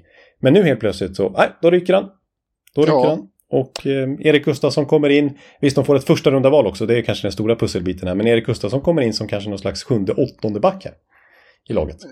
Ja, men han har också varit bra i Washington. Han är, han var ju, I år har han ju mycket mer offensiv eh, potential än vad Rasmus har haft. Liksom. Eh, och eh, Men det är för att han har fått spela i första kedjan med Ovechkin. Alltså första powerplay. ja, liksom. ja det, det blir klart. Eh, Första valet för övrigt är det som Washington fick för Orlov då, som de skickar vidare Ja. eh, till Ja. Toronto. Men eh, alltså för, för, för Washington på sikt, om de nu ska göra någon slags retool då, som de väl helst säger, Mm. så är det ju ett fynd att få Rasmus. Han är 22 år och, och finns hur mycket potential som helst. Ja, precis. Jag, jag tycker det här är en, en exceptionellt bra faktiskt retool trade av Brian McLellan, general manager i Washington. Och man, man kan säga så här att han växlar ju faktiskt ut mer eller mindre Dimitri Orlov mot Rasmus Sandin. Visst, Orlov har jag hyllat som en väldigt bra back, men Sandin är ju nio år yngre. Ja. Och, och liksom om vi snackar draftval och sånt här så han fick ju Bostons första val och så. Men då måste han ju också vänta några år innan det draftvalet eh, bär frukt för att använda en trädreferens. Eh, men eh, eh, Sandin står ju redo här och nu för sitt stora genombrott i NHL. ja, verkligen. Ja. Nu är det Sandin som ska servera Ovechkin och Bäckström och passningar i första powerplay. Han var ju väldigt ledsen igår då när han plockades från träningen och sen fick veta att han var. Det var en chock för honom också. Liksom för Pierre Engvall som ju då tradas till Islanders mot ett tredje val 2024. Och det var, eh, det var liksom lite rörande scener där när hela laget tog farväl av de här svenskarna. De övriga svenskarna följde Sandin och Engvall ut och, och Mm. Nylander och, Sandin gick till och med armkrok därför att eh, de är typ bästa kompisar. Ja, precis. Det visade ju att det här inte bara är liksom pusselbitar eller spelbrickor och sådär, utan det är ju människor som eh, skickas till höger och vänster på, på kontinenten och vänskaper som Ja. drabbas och så vidare. Så att, mm. Ja ja, Pierre Engvall som sagt till eh, Islanders. Eh, det, var för att, för att få lite mer space inför nästa trade som vart Luke Chen då, kommer från Vancouver, kommer tillbaka till Toronto för ett tredje val. Ja, precis. Så det var tredje val man fick för Engvall och så ett tredje val och skickar man vidare sen till, till Alvin och Vancouver för Luke Chen då, som är tillbaka i Toronto. Det var ju där han inledde sin karriär. Så det är väldigt mycket rundgång här och hit och dit liksom. Eh, men det är ju Vad en... de, Ja, vad de verkligen har nu i Toronto är ju då eh, djup på backsidan. Det har ju varit svettigt förut när, när, när backar har gått sönder i slutspelet. Nu har de eh, några alternativ. Precis, alltså det, det var därför jag sa att Erik Gustafsson, för spelmässigt den här säsongen, nästan 40 poäng liksom, så förtjänar han inte att sitta på läktaren. Men nu har de nio backar på envägskontrakt, eller om det är mer till och med.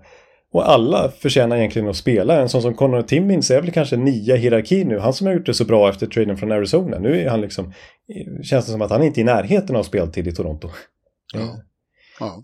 Men en, en annan röd tråd här i, i Torontos alla moves. Sex nya spelare alltså på, på några veckor här bara.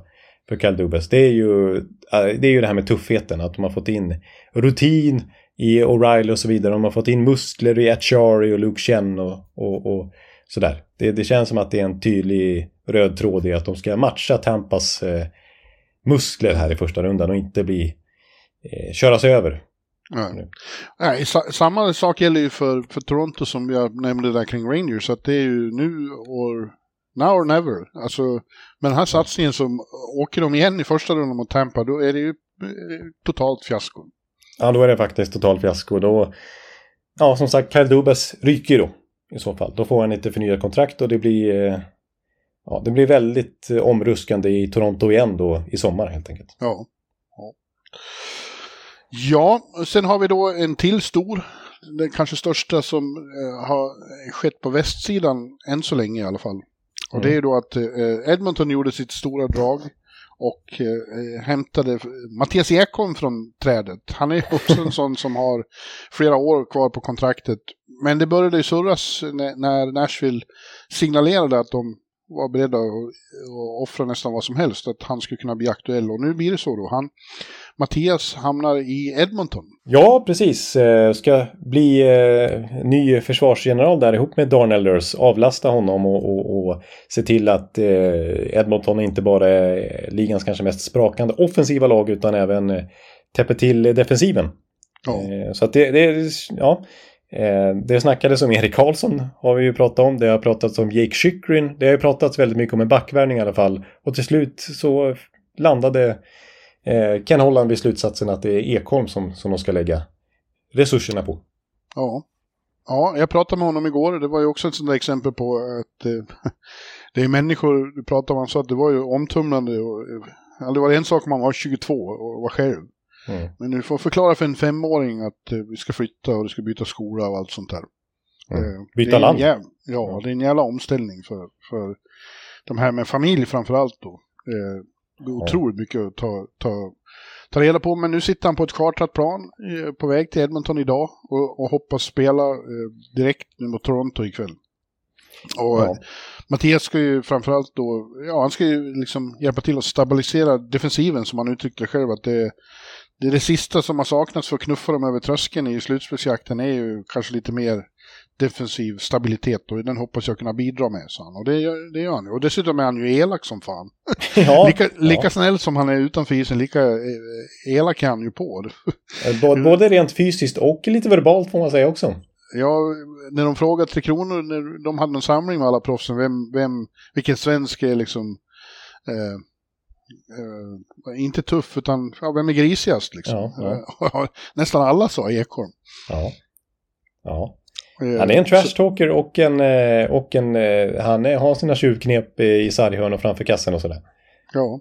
För honom då får eh, Nashville Tyson Barry första val 23 och fjärde val 24 och en prospect där också. Ja, en av deras mest spännande prospects i, i Edmonton där. Så det var ett eh, ganska bra hål igen för David Poyle som gjorde att han eh, hade svårt att tacka nej. Eh, lite anmärkningsvärt med, med Tyson Barry, alltså jag, jag, förstår ju att de gör sig av med honom och det är väldigt tydligt här. En, en renodlat offensiv back mot, mot en, ja, jag ska inte säga att Ekholm är en renodlat defensiv back för att han är ju duktig framåt också men det är ju, han har ju sina styrkor i defensiven. Det signalerar ju vad, vad Edmonton vill med den här traden då. Eh, men det är klart att det, det, är ett litet slag också för Edmonton att Alltså nu är det så att Conor McDavid och Leon Draisaitl är de stora dirigenterna i powerplay. Men det är alltså det bästa powerplayet sen 70-talet i NHL som vi har sagt. Det är ju helt ja. otroligt vilken procent de har den här säsongen. 31, 32 någonting. Och, och Tyson Barry har ju ändå varit eh, quarterback på point där. Och är ju en PP-specialist. Han blir de av med nu. Ja. Eh, men, men det är klart att de, det, det gör ju ingenting om de tappar någon procent i powerplay. Eh, de kommer fortfarande ha ligans bästa. Och, och de får in en eh, betydligt, betydligt bättre defensiv spelare än Tyson Berry i form av Mattias Ekholm. Ja, och Mattias är såklart, som han ut, såklart uttryckte det också, han, var inte, han gnällde inte över det här, utan han sa vi, vi är i den här businessen och man får leken tåla. Och hockeymässigt så var han, det kan inte bli mer inspirerande än att få åka, jag, de har ju mött Edmonton mycket, han liksom sa att det, få spela med, med framförallt Conor McDavid då är ju en dröm liksom, för alla hockeyspelare. Ja, Ja, det, det, det, det, kan man verkligen tänka sig. Och lite statistik att dra fram om Ekholm bara för att bevisa att han fortfarande är en, en väldigt bra defensiv back inte minst. Så om man kollar på hans eh, expected goals den här säsongen så ligger den på 54 procent, det vill säga 54 procent av målen har Nashville väntats göra med honom på isen och bara 46 procent bakåt då. Trots att han startat bara 40 procent av bytena i offensiv zon. 60 procent i defensiv zon, alltså kontra offensiv och defensiv zon. Så han får ju, har ju fått starta majoriteten av sina byten som väntat i egen zon, ändå så generellt sett flyttar. Du, du, du. Mini, mini nyhet, det är ingen trade men det är beskedet att Anaheim is not dressing John Klingberg och Dmitri Kulikov i, uh, ikväll för ja. trade, trade related uh, Uh, reasons. Relations, uh. reasons ja. Det har varit så eh, vanligt nu så att jag har sett att vissa insiders bara skriver TRR. Ja, exakt. så att eh, en Klingberg, eh, vi kommer till det när vi ska spekulera mer, men han är ju on the move snart. Ja, det är ju givet då när de inte ens dressar honom. Väntat visserligen, men det är ju en tydlig signal. Ja. Ja, eh, vi, vi bara konstaterar att, att Ekholm är såklart en, en bra förstärkning. Jag är lite orolig kanske på sikt. Liksom. Han, blir ju, han har ju kontrakt tills han är 36-37 år, Ekholm. Och har en ganska hög eh, lönetaksträff nu, även om Nashville valde att behålla 4% av lönen. Det var lite oväntat lite. Mycket märkligt ju. Ja, man får ju bara, det är bara, det är bara tre spelare man får behålla lön på. Så att, att liksom offra en sån spot när Nashville är inne i det här läget när de kanske ska behålla lön på fler spelare för att liksom påskynda sin rebuild. Att då bara behålla 4% känns ju helt onödigt. Liksom. Jag skulle nästan kunna betala 4% av din lön om Aftonbladet vill det. ja, ja, precis, gärna. Ja, nej men, äh, ja, det var lite märkligt. Nej, men... det kan jag inte alls ifall någon lyssnar, absolut inte. ja, det är bra att du är tydlig där. Ja. ja, sen var det en till svensk då, On the Movie, och det, var, det har aldrig varit så många svenskar samtidigt eh, på så kort Nej. tid som igår, eh, vilket ju gjorde allt hysteriskt för mig. ja, för du förväntas ju skriva och tycka till om det här eh, på uppstuds liksom. Ja, och, och ringa dem och få tag i dem. Ja, inte minst det. Mm. Och Gustav Hästpol och Nyqvist fick jag tag i. Det är ju så att när det här händer, som sagt, det är en, en jävla chock för dem och mycket måste ordnas praktiskt på nolltid. Så ett telefonsamtal med en sävlig mas som kallar sig för bofinken, det står inte högst på priolistan, får man förstå. Ja, nej, men det är som du säger, det är ju, och många av de här spelarna debuterar ju dagen efter liksom. Eller ja. som vi var inne på förra veckan med Ryan O'Reilly, att det var liksom, man vaknade upp i ena staden, flög till nästa stad och somnade i en tredje stad. Ja. Det är inte vad som kommer hända med Gustav Nyqvist dock. Han kan ta det lite lugnare eftersom han är skadad. Men han mm. från Columbus till Minnesota för ett femte val.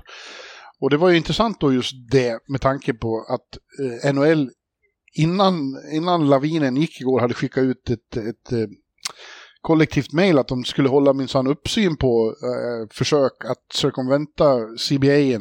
Härlig svenska där. Ja, det där förstod alla. men det handlar alltså om att eh, ja, fuska lite med lönetaks, eh, löneutrymme helt enkelt. Ja, genom att ta spelare som man vet inte kommer att eh, spela förrän slutspelet och då räknas ju ingen cap hit längre i slutspelet så då ja. kan man ta vad som helst. Ja precis, och man kan då i praktiken då eh, om Nyqvist inte debuterar förrän i slutspelet då, då, då räknas inte han mot capen under resten av grundserien och sen så spelar det som sagt då ingen roll då i, i slutspelet. Mm. Eh, så att de kommer säkert att titta på det här men Gustavs egen eh, förhoppning är ju att han ska kunna spela innan slutspelet och det är Minnesotas också. De, de, de kan ju få in honom, det är ingen katastrof för dem om han, om han spelar tvärtom. Nej, uh, nej, vi kan säga då att Minnesota har ju till och med behållit lite lön här och var. Till exempel för eh, Orlov här. Eh, ju, för att de har löneutrymme just den här säsongen. Nästa år sitter de ju rejält i skiten igen. Minnesota lönetagsmässigt. Men de har kunnat utnyttja lite löneutrymme här eh, den här säsongen nu. Ja. Ja, och Gustav är ju en tillgång eh, med sin speed och sin eh, intelligens eh, eh och eh, perfekt i liksom en... Eh, ja, nu fick jag inte... det var vår chef, Hebbe, som, som plötsligt skickade ett sms som att, apropå det vi just pratade om, Kom igen nu, det är dags att åka upp. Och så skickar han en bild på Nyqvist och Minnesota.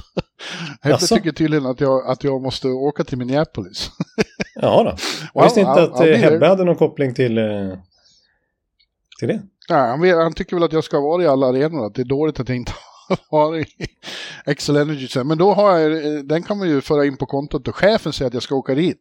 Ja, just det, just det, just det. Det, det, har, det var nog så att Hebbe frågade mig häromdagen om vilka arenor är det Eh, Bjurra inte varit och då nämnde jag nog Minnesota och så kom man ihåg det nu då. Jaha, där ser man. där ser man. Ja, ja mycket kul. Ja, bra timing just när vi pratar om det. Ja, ja. precis. Eh... ja, ja, vad ska vi säga? Alltså, han är ju mycket bra. Alltså, jag har ju sagt att det finns flera lag som skulle ha stor nytta av Innan Rangers var inblandade i, i det här Kane, eh, alltså superdealen, ja, ja. så sa jag att Gustav hade varit en perfekt i tredje kedja för Rangers. Ja. ja. Vilket han påminde om när jag pratade med honom igår. Du sa att jag skulle till, till New York. ja, ja. Ja. Nej men alltså, eh, men det, det, Bill Guerin är inne på det att eh, även när det kommer till Marcus Johansson att han hävdar ju då att de är hyfsat skickliga målskyttar, att de framförallt är rätt skickliga spelare, bra skridskoåkare, bra offensiva spelare. Ja du, vi missade två trader här när, jag, när vi hoppade mellan och tog flera Toronto på en gång. Mm. Så vi är lite fel i kronologin nu. Ja, ja. Får, får återvända till två. Ja, det Gustav, får... Gustav ja. det blir bra. Och, och, det enda oroande är vi vet inte hur det är med hästpoloscenen i Minneapolis. Det finns inte så mycket hästpolo uppe där. Nej.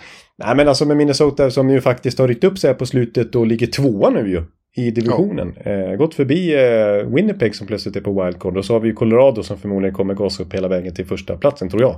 Förbi Dallas dessutom.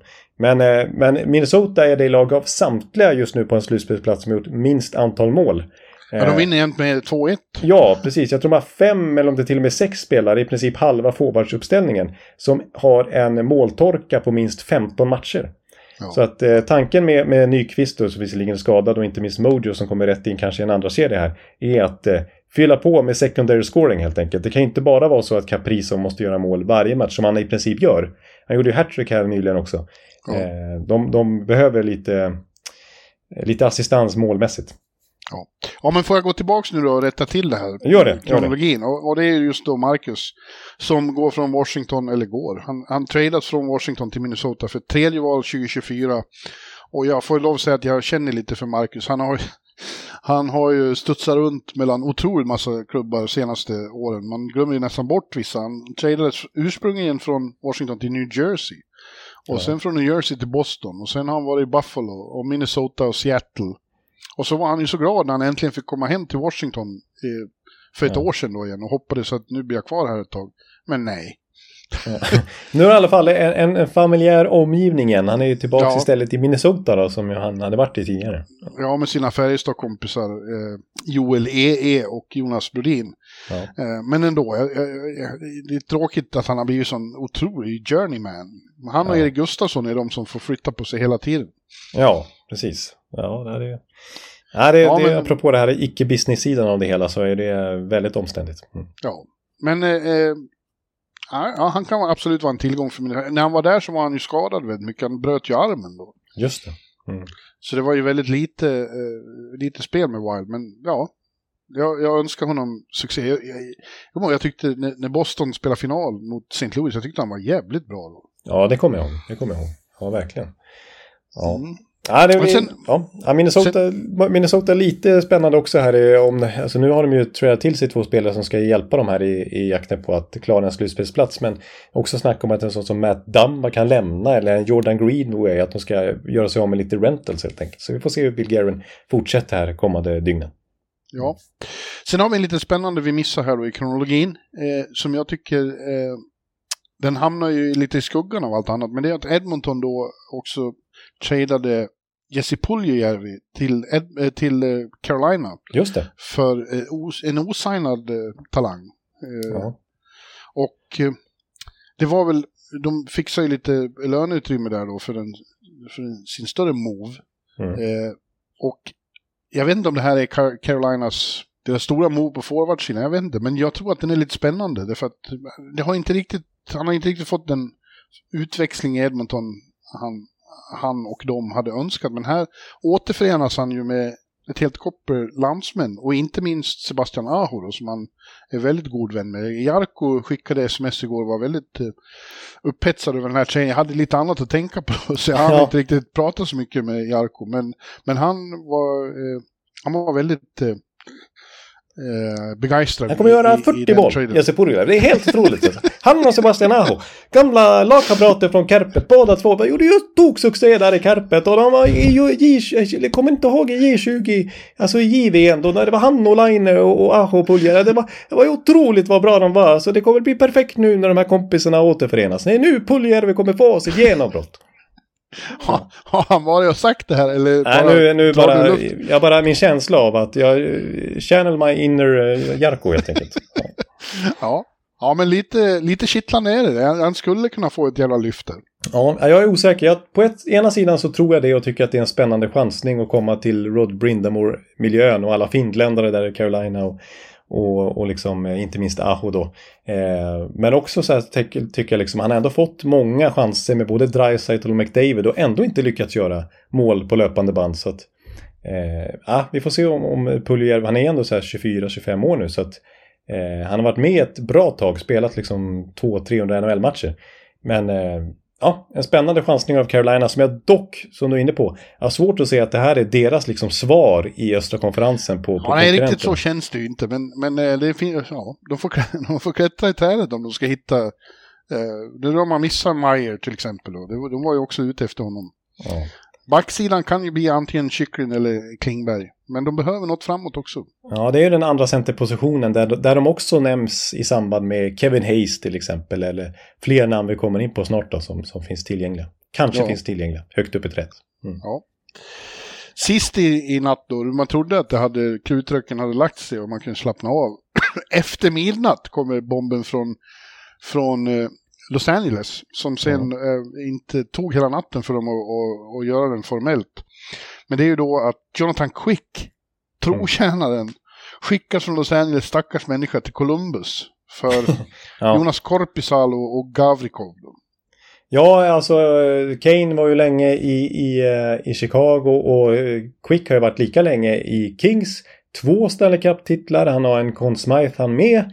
Eh, och eh, alltså om liksom Dustin Brown blev staty utanför så, är- så är väl Quick eh, värd det också utanför. Krypto.com Arena eller vad det nu heter. Ja, ja. Eh, Men, eh, men så det är klart att man förstår och det har ju rapporterats att han är väldigt upprörd över att helt plötsligt då skickas till Columbus dit han absolut inte vill. Eh, Det, är, det, det är en jävla skillnad på, Kane kommer till New York och vill ju hit liksom. Ja, Jonathan Quick vill garanterat inte till Columbus. Alltså bottom feeders ja, nu är det ju lite snack om att Columbus kommer försöka skeppa han direkt då till någon annan klubb men det är inte säkert att något lag sitter liksom, nu har ju Quick inte rosat marknaden på ett par år och han har ju ett dyrt kontrakt som de ska försöka klämma in så jag har svårt att se att Ja, det, det kan absolut bli av men det är inte supergivet att Quick bara flippas vidare sådär. Det är ju en väldigt solkig och tragisk och tråkigt slut på en fantastisk eh, saga. Liksom. Han eh, har ju, som du säger, han, har, han var ju den allra viktigaste för de där två eh, Stanley Cup-titlarna 2012 och 2014. Han var fantastisk då. Ja. Eh, och, att, och att det ska sluta på det här sättet, han borde ha lagt av innan det här hände. Ja, ja. Man tänker, Nej. tänk om det hade slutat så här för Enkel Lundqvist, det höll ju nu, alltså det, det var inte så långt ifrån. Eh, eh, det hade varit så jävla sorgligt. Eh, Ja, det känns Så- ovärdigt för en sån Ja. fin karriär, en Hall of Fame-karriär. Ja, och, och så blir det liksom, kommer bli osams med klubben som han förknippar så starkt med. Som du säger, han är upprörd själv. Liksom, och det förstår jag. Ja. Samtidigt så här, jag förstår ju varför eh, LA tradar honom. Eh, Nu tycker inte jag att Korpisalo nödvändigtvis känns som ett jättelyft då. Men de Nej. behövde göra någonting åt målvaktssidan. Eh, Det förhindrar dem ju ganska mycket att Quick satt på den här höga lönen för att skapa löneutrymme för att, göra nya moves som förstärker laget inför slutspelet. Men det låter ju som att kommunikationen hade åtminstone kunnat varit bättre. Ja, ja det är lite själv, det är lite liksom hjärtlöst att göra så här. Mm. Och visst, det är en väldigt osentimental business som måste vara det, men ändå. Ja. Eh, nu tycker jag det känns... Ja, man blir lite illa berörd. Ja. Sen för att återgå till själva eh, trade, eh, traden här och vilka som eh, skeppades. Det var ju Vladislav Gavrikov också från Columbus, eh, backen då till, eh, till LA Kings från Columbus och, och så då Korpisalo som ska vakta kassen där ihop med Phoenix Copley. Det hade man ju inte trott inför säsongen liksom att det skulle vara firma Korpisalo Copley som, som skulle stå i, i, i LA Kings. Men eh, det man, här vill jag dra in lite statistik som jag tycker är högst relevant och intressant att, att slänga in i sammanhanget. Att eh, Kings har ju typ haft sämst målvaktsspel den här säsongen. De har eh, st- statistiskt sett haft, haft ett av de bästa försvars, ta försvarsspelen. det lugnt nu så du inte snubblar på tungan. Ja, precis. eh, nej, men de har haft ett otroligt bra försvarsspel, men de har haft väldigt dåligt målvaktsspel. Om man säger så här, det finns något som kallas för quality starts, eh, avancerad statistikmässigt. Och det innebär att man har eh, liksom man har släppt in färre mål än för, förväntat under den matchen enligt den avancerade statistiken. Och Kings ligger sist när det kommer till antal quality starts från sina målvakter den här säsongen. De bara 30% av matcherna har de fått en quality start helt enkelt. Och det är som sagt typ sist i LNHL. När de väl har fått en quality start, då har de vunnit nästan alla de matcherna. Eh, Korpisalo som ju kommer från eh, liksom jumbon i princip Columbus. Han har faktiskt haft en bra säsong där. Han har släppt in färre mål än förväntat. Så han har haft en hel del quality starts. Eh, så kan han hålla i den trenden som han faktiskt har haft i Columbus och flytta över den till LA Kings. Om man bara går på avancerad statistik då. Då kommer det innebära väldigt många segrar faktiskt för LA Kings. För de behöver inte ha otroligt målvaktsspel. De behöver bara ha average eller kanske lite bättre än average målvaktsspel för att eh, klättra i tabellen. Bara du kan prata så här länge och entusiastiskt som Jonas Korpisov. Ja, ja, ja. Eh, jag, jag läser nu att to say, to say Jonathan Quick is unhappy, I'm told, is an understatement. The entire LA Kings team was a bit down after the game, a win, igår kväll då. ja. And you could understandably see it in Anse Kopitars face after a four goal night. Ja, han var inte ens eh, lycklig då för polaren, Nej. under så många år Quick eh, var så ledsen då. Mm. Så han kan nog kunna eh, eventuellt sabba kemin. Ja. Det har vi ju pratat mycket om, att man får vara försiktig med, med kemin i omklädningsrummet också. ja, man måste ändå komma ihåg att det är lite personalrelaterat det här också. Eh, liksom, Ja. det, det, det finns mer, det finns liksom mänskliga faktorer mitt i allt det här pusslandet med lagbygget. Ja. ja, nu brukar man ju säga då, när det händer så här mycket, inte för att det någonsin har hänt så här mycket under vår tid i alla fall, Nej. så långt före eh, trade deadline, att man befarar att eh, ja, nu kommer inte hända någonting på fredag. Men eh, det är bara onsdag. och jag, jag har en stark känsla av att vi har två, tre dagar kvar av, av samma slags hysteri. Fan, jag, jag är ju knappt så... Jag, när det, som du vet, eh, eh, så när det ursprungligen hette att Patrick Kane skulle förmodligen då debutera ikväll, när, när Rangers spelar borta mot Flyers, så ville jag ju åka dit. Ja, Eh, men det går inte att få ihop alls. Eh, nej. och nu behövs det inte heller då, men, men jag var ju... Dels att vi skulle göra den här och visste att det här skulle bli en, en monsterpodd. Ja, ja. Eh, men eh, sen har jag sen länge en middag planerad ikväll med, med, med hockey. Alltså Ja, When We Were Kings hockey. sportbladet-chefen. Ja, When We Were Kings hockey och hans Susanne Mm. eh, på Steakhouse. Och det, det vill jag gärna gå men jag vet inte om jag kommer att hinna det när det är så här. Nej, precis. Jag förstår. Det, det, det, du måste vara redo med mobilen och framför datorn och så vidare nästan hela tiden. Det är Ja. helt... Ja. Ja, eh, jag, jag är ty- tyvärr, alltså jag skulle älska att träffa hockey Susanne, men, men eh, ja, ja, det blir svårt. Eh, för att det, det känns som att det här, det här kommer ju bara fortsätta liksom. Och vi har ju, ja, vi har fortfarande en del lågt frukt kvar också. Eh, ja, vi kan väl komma in lite på sådana namn och, och John Klingberg är såklart eh, ett givet sånt. De två som har varit mm, prat om längst, som Mm. fortfarande inte har tradats, det är ju John Klingberg och Jacob Chikrin. Precis, som Eh, inte har spelat nu på flera veckor då, i och med att han Nej. har hållits utanför laget av TRR helt enkelt, som vi har lärt oss nu. Trade Related Reasons. Ja. Så att eh, de två, eh, de kommer hamna någonstans och det kan bli lite huggsexa om dem. Ja, precis. Nu som Eh, sagt är ju, är ju Klingberg också ta, tagen ur tjänst Ja. ikväll. Av TRR-skäl. Ja, det blivit lite snack från spelarfackets håll om, om det här med TRR, om man kan verkligen hålla en spelare utanför laget så länge som Arizona gjort med Chikrin. Alltså en, en, en spelarfacksfråga håller på att bli. Ja, jag tror att det där är något som kommer att tas upp i nästa... Eh, eh, alltså, det här gillar inte ligan heller tror jag. Nej. Nej, precis. I nästa koll kollektivavtalsförhandling. Ja. Eh, ja.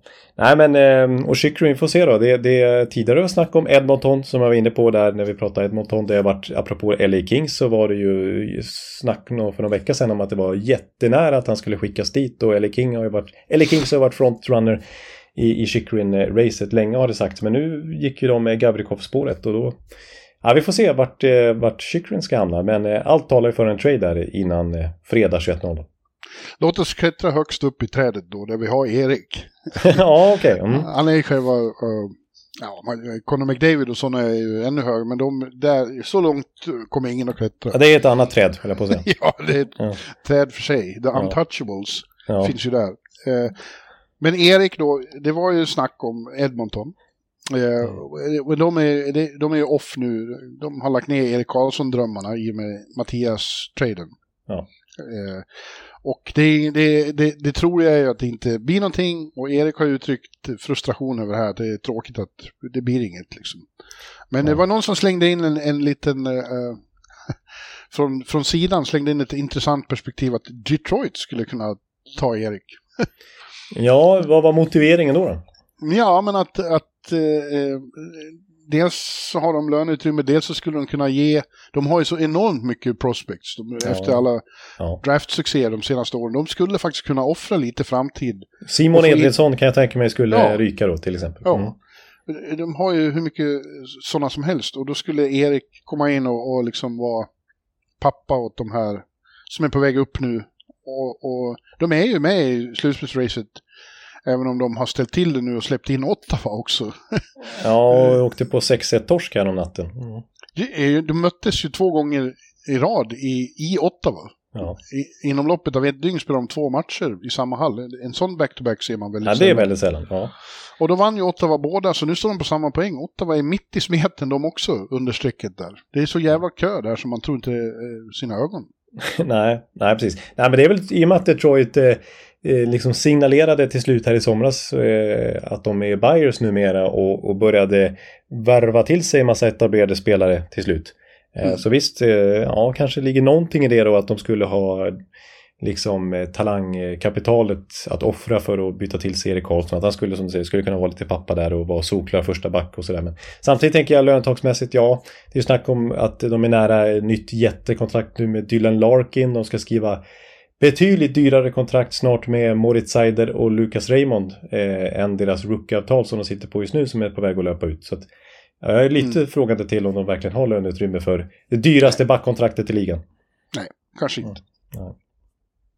Men eh, det, var- det var en kittlande, ett, ett, ett kittlande scenario. Ja, ja verkligen, verkligen alltså. Men jag, jag tror ju att han blir tradad i sommar, Erik Karlsson. Det är mycket som talar för det.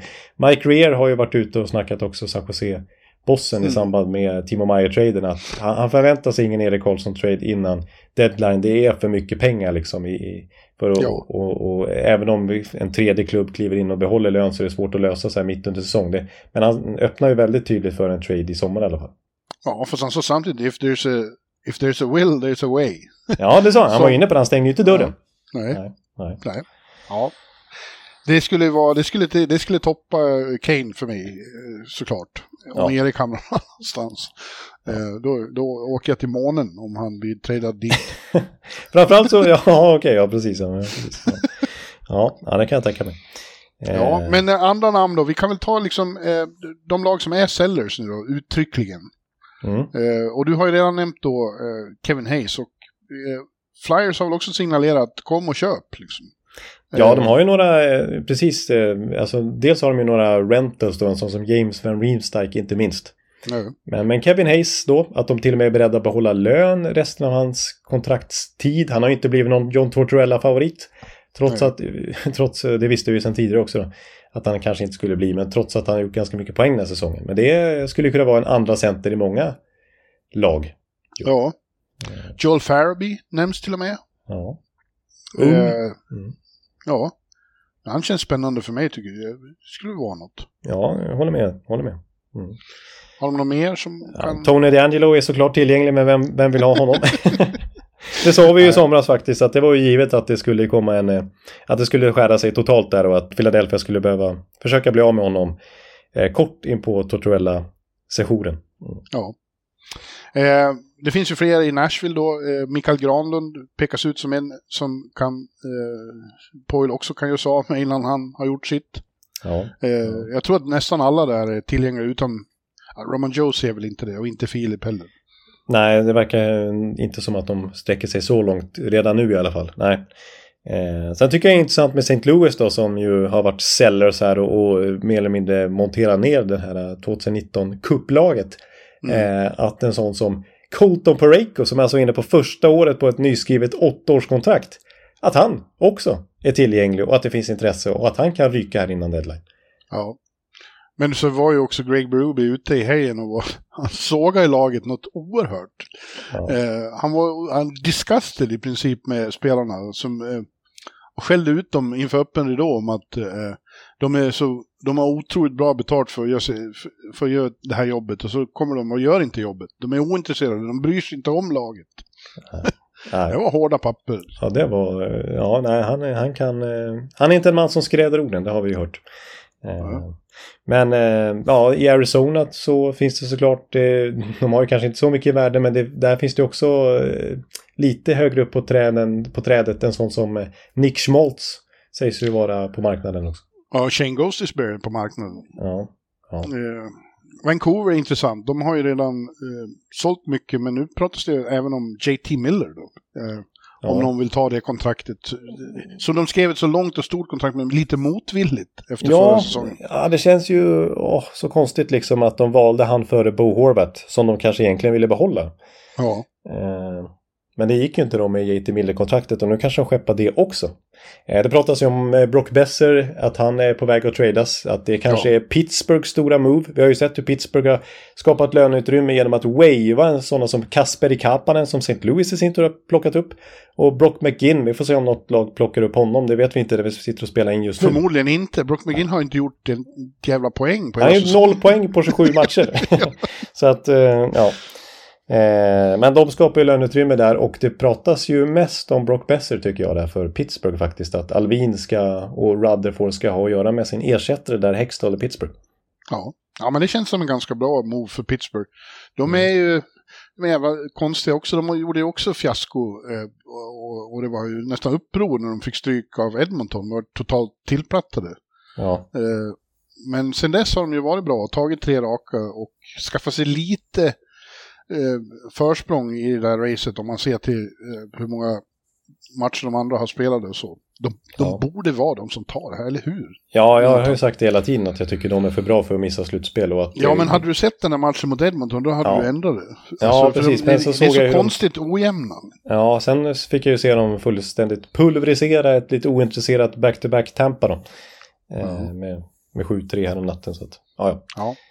Men de behöver, göra, de behöver göra något, det är helt klart. Ja, ja, och allt tyder ju på att de har en move eh, up their sleeve. Det är ju en tidsfråga tror jag.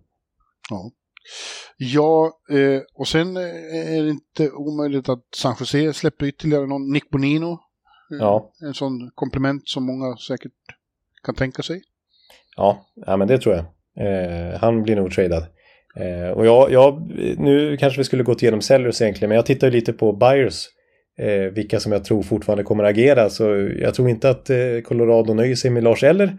Jag tror inte Dallas nöjer sig med Jevgenij Eller så gör de det. ja, där, tack. Bra. Där kom den första vännerholmaren. Eh, ja, Nej, men jag tycker det är intressant att se hur Seattle som ändå ser ut att gå till slutspel, om inte de ska hitta på någonting i alla fall.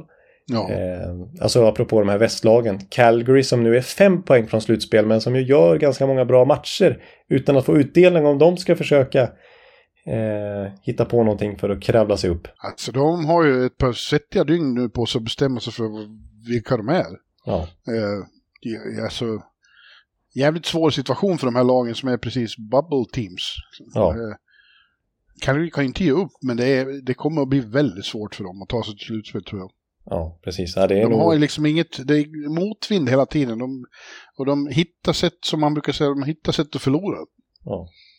Som sagt, de sköt 57 skott på Ullmark igår och förlorade i alla fall. ja, och Boston sköt väl bara 19 eller sånt där. Ja, och lyckades göra ja. fyra mål. Ja. Ja, eh, sen så är det ju då eh, Carolina som jag förväntar mig ska göra någonting mer av Pacioretty-pengarna som finns tillgängliga. Eh, inte bara Puljujärvi utan kanske den andra centerpositionen då. Ja. Mm. Vegas vet man aldrig. Det, det, det kan hända st- stora saker där. De är ju som sagt hungriga.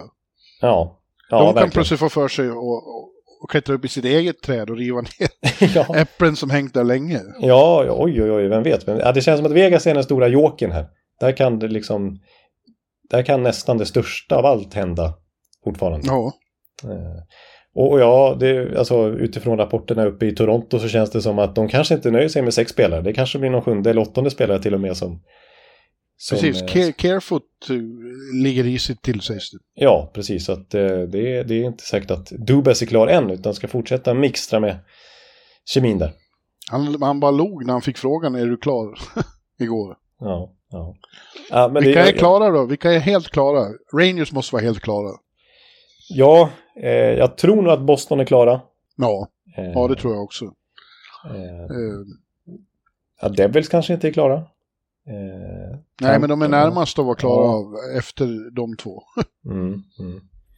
Eh, ja, ute, ute i väst då. Eh, Nej, det är ingen klar. nej, precis. De måste ju agera. Så det är, det är väl bara några, några få östlag där som har gjort sitt hittills. Liksom. Alltså, Jarmo Käkkeläinen säger There's been a lot of phone calls and not a lot of sleep, om senaste dagarna. Nej, ja, du ser, det är som för Tänk, Per ja, Bjurman. ja, Tell me about it, Jar, Jarmo. ja, precis. Buffalo har vi inte pratat om. Eh, hur ska de agera? De Ja, har ju ändå en stor chans att gå till slutspel och de har löneutrymme och de har talanger och de har draftval och så vidare. Och offra om de vill hitta på något. Men de får sluta trampa så snett som igår när de lyckas få stryk mot Columbus hemma. Det var väl jävligt klantigt gjort. Ja, jag, jag tycker det är konstigt att de de kan liksom slå Boston, ett av få lag som lyckas slå Boston och de är ett av få lag som lyckas torska mot Columbus och Chicago och sådana här lag eh, på löpande Ja. band. Ja. Ja, det, det vittnar om att det fortfarande finns ett, en, en grad av naivitet i lagets sätt att verka. Ja, ja precis. Och det, ja, målvaktssidan där tycker jag är någonting de behöver eh, ta tag i, åtminstone på sikt. Om de ska verkligen hota om en Stanley Cup-titel någon gång. Ja. Mm. Ja. Eh. Ja. Ja, nej, men jag tror nästan att, eh, att vi kanske nöjer oss där, för vi, vi, vi kan ju såklart fortsätta. Eh, Ja, men vi ska spara lite för att eh, vi gör ju ett extra, eh, det blir två avsnitt den här veckan. När, när vi är klara på fredag så siktar vi på att spela in igen och sammanfatta alltihopa. Ja, ganska snabbt in på eh, slutsignal höll jag på att säga. Eh, för eh, trader i alla fall. Slutsignal. ja, så, eh, så hoppas vi kunna sitta vid mikrofonerna igen och eh, sammanfatta hela rusket och eh, blicka framåt mot eh, Stanley Cup och vilka vi tror helt enkelt eh, tar hem skiten eller vilka, ja, vilka vi, vi känner står bäst rustade för att bli mästare. Ja. Ja, det ska bli... De här dagarna kommer, kommer vi inte att glömma i första taget, tror jag. Vi kommer inte att glömma de som precis har varit och nu kommer det att hända ännu mer. Ja, så är det bara. Det är en väldigt speciell eh, trade-säsong det här och framförallt trade-vecka. En historisk sådan. Ja, nu, det är ju ny månad och i vanliga fall så hade vi försökt få in eh, vår, eh, vår månatliga eh, awards-show. Men vi tänker att vi spar den en vecka. Vi ska ha något att prata om nästa vecka också. Det, det har blivit väldigt matigt det här avsnittet. Ja, precis. Och eh, det kanske är intresset för just det är nog inte på sin peak eh, just i det här avsnittet utan det kan vi skjuta fram. Eh, så att, nej, vi sätter väl punkt för den här gången och ja. Hörs inom kort helt enkelt. Ja, precis. Eh, Det blev ändå hyfsat långt där. Nu känner jag att nu måste jag hämta, eh, jag har ju inte varit och hämtat kaffe eller något sånt där. Nu, nu behöver jag något sånt. Ja, Eh, ja men då vi- säger vi, då säger vi eh, tack för idag och på återhörande inom några dygn bara. Ja, tack alla som har orkat lyssna på så här länge och eh, på återhörande snart. Yes, hej då! Hej hej! Hallå, hallå, hallå. Hallå, hallå, hallå. Alex Chiazot, Joe Luis Arena och Esposito. Esposito. Uttalsproblem, men vi tjötar ändå. Och alla kan vara lugna, inspelningsknappen är på. Bjuder Hanna Kohl, han är grym i sin roll. Från korrespondenten har han fullständig kontroll på det som händer och sker. Det blir ju allt fler som rattar in hans blogg. Och lyssna på hans podd. One, two, time, speed, so Hallå, hallå, hallå. One, two, time, speed, so Hallå, hallå, hallå. Ekeliv, som är ung och har driv. Verkar stor och stark och känns allmänt massiv. Han hejar på Tampa och älskar Hedman. Sjunger som Sinatra. Ja, och där ser man. Nu är det dags för refräng. Dags för magi, Victor Norén. Du är ett geni. Så stand up at home and remove your hats. Höj volym, för nu är det plats. One, two, time, speed, so Hallå, hallå, hallå. One, two, time, speed, so Hallå, hallå, hallå. One, two, time, speed, so Hallå, hallå, hallå. One, two, time, speed, so Hallå, hallå, hallå. Det är otroligt länge sedan båda samtidigt var så här bra. Hallå, hallå, hallå. Det är otroligt länge sedan båda samtidigt var så här bra.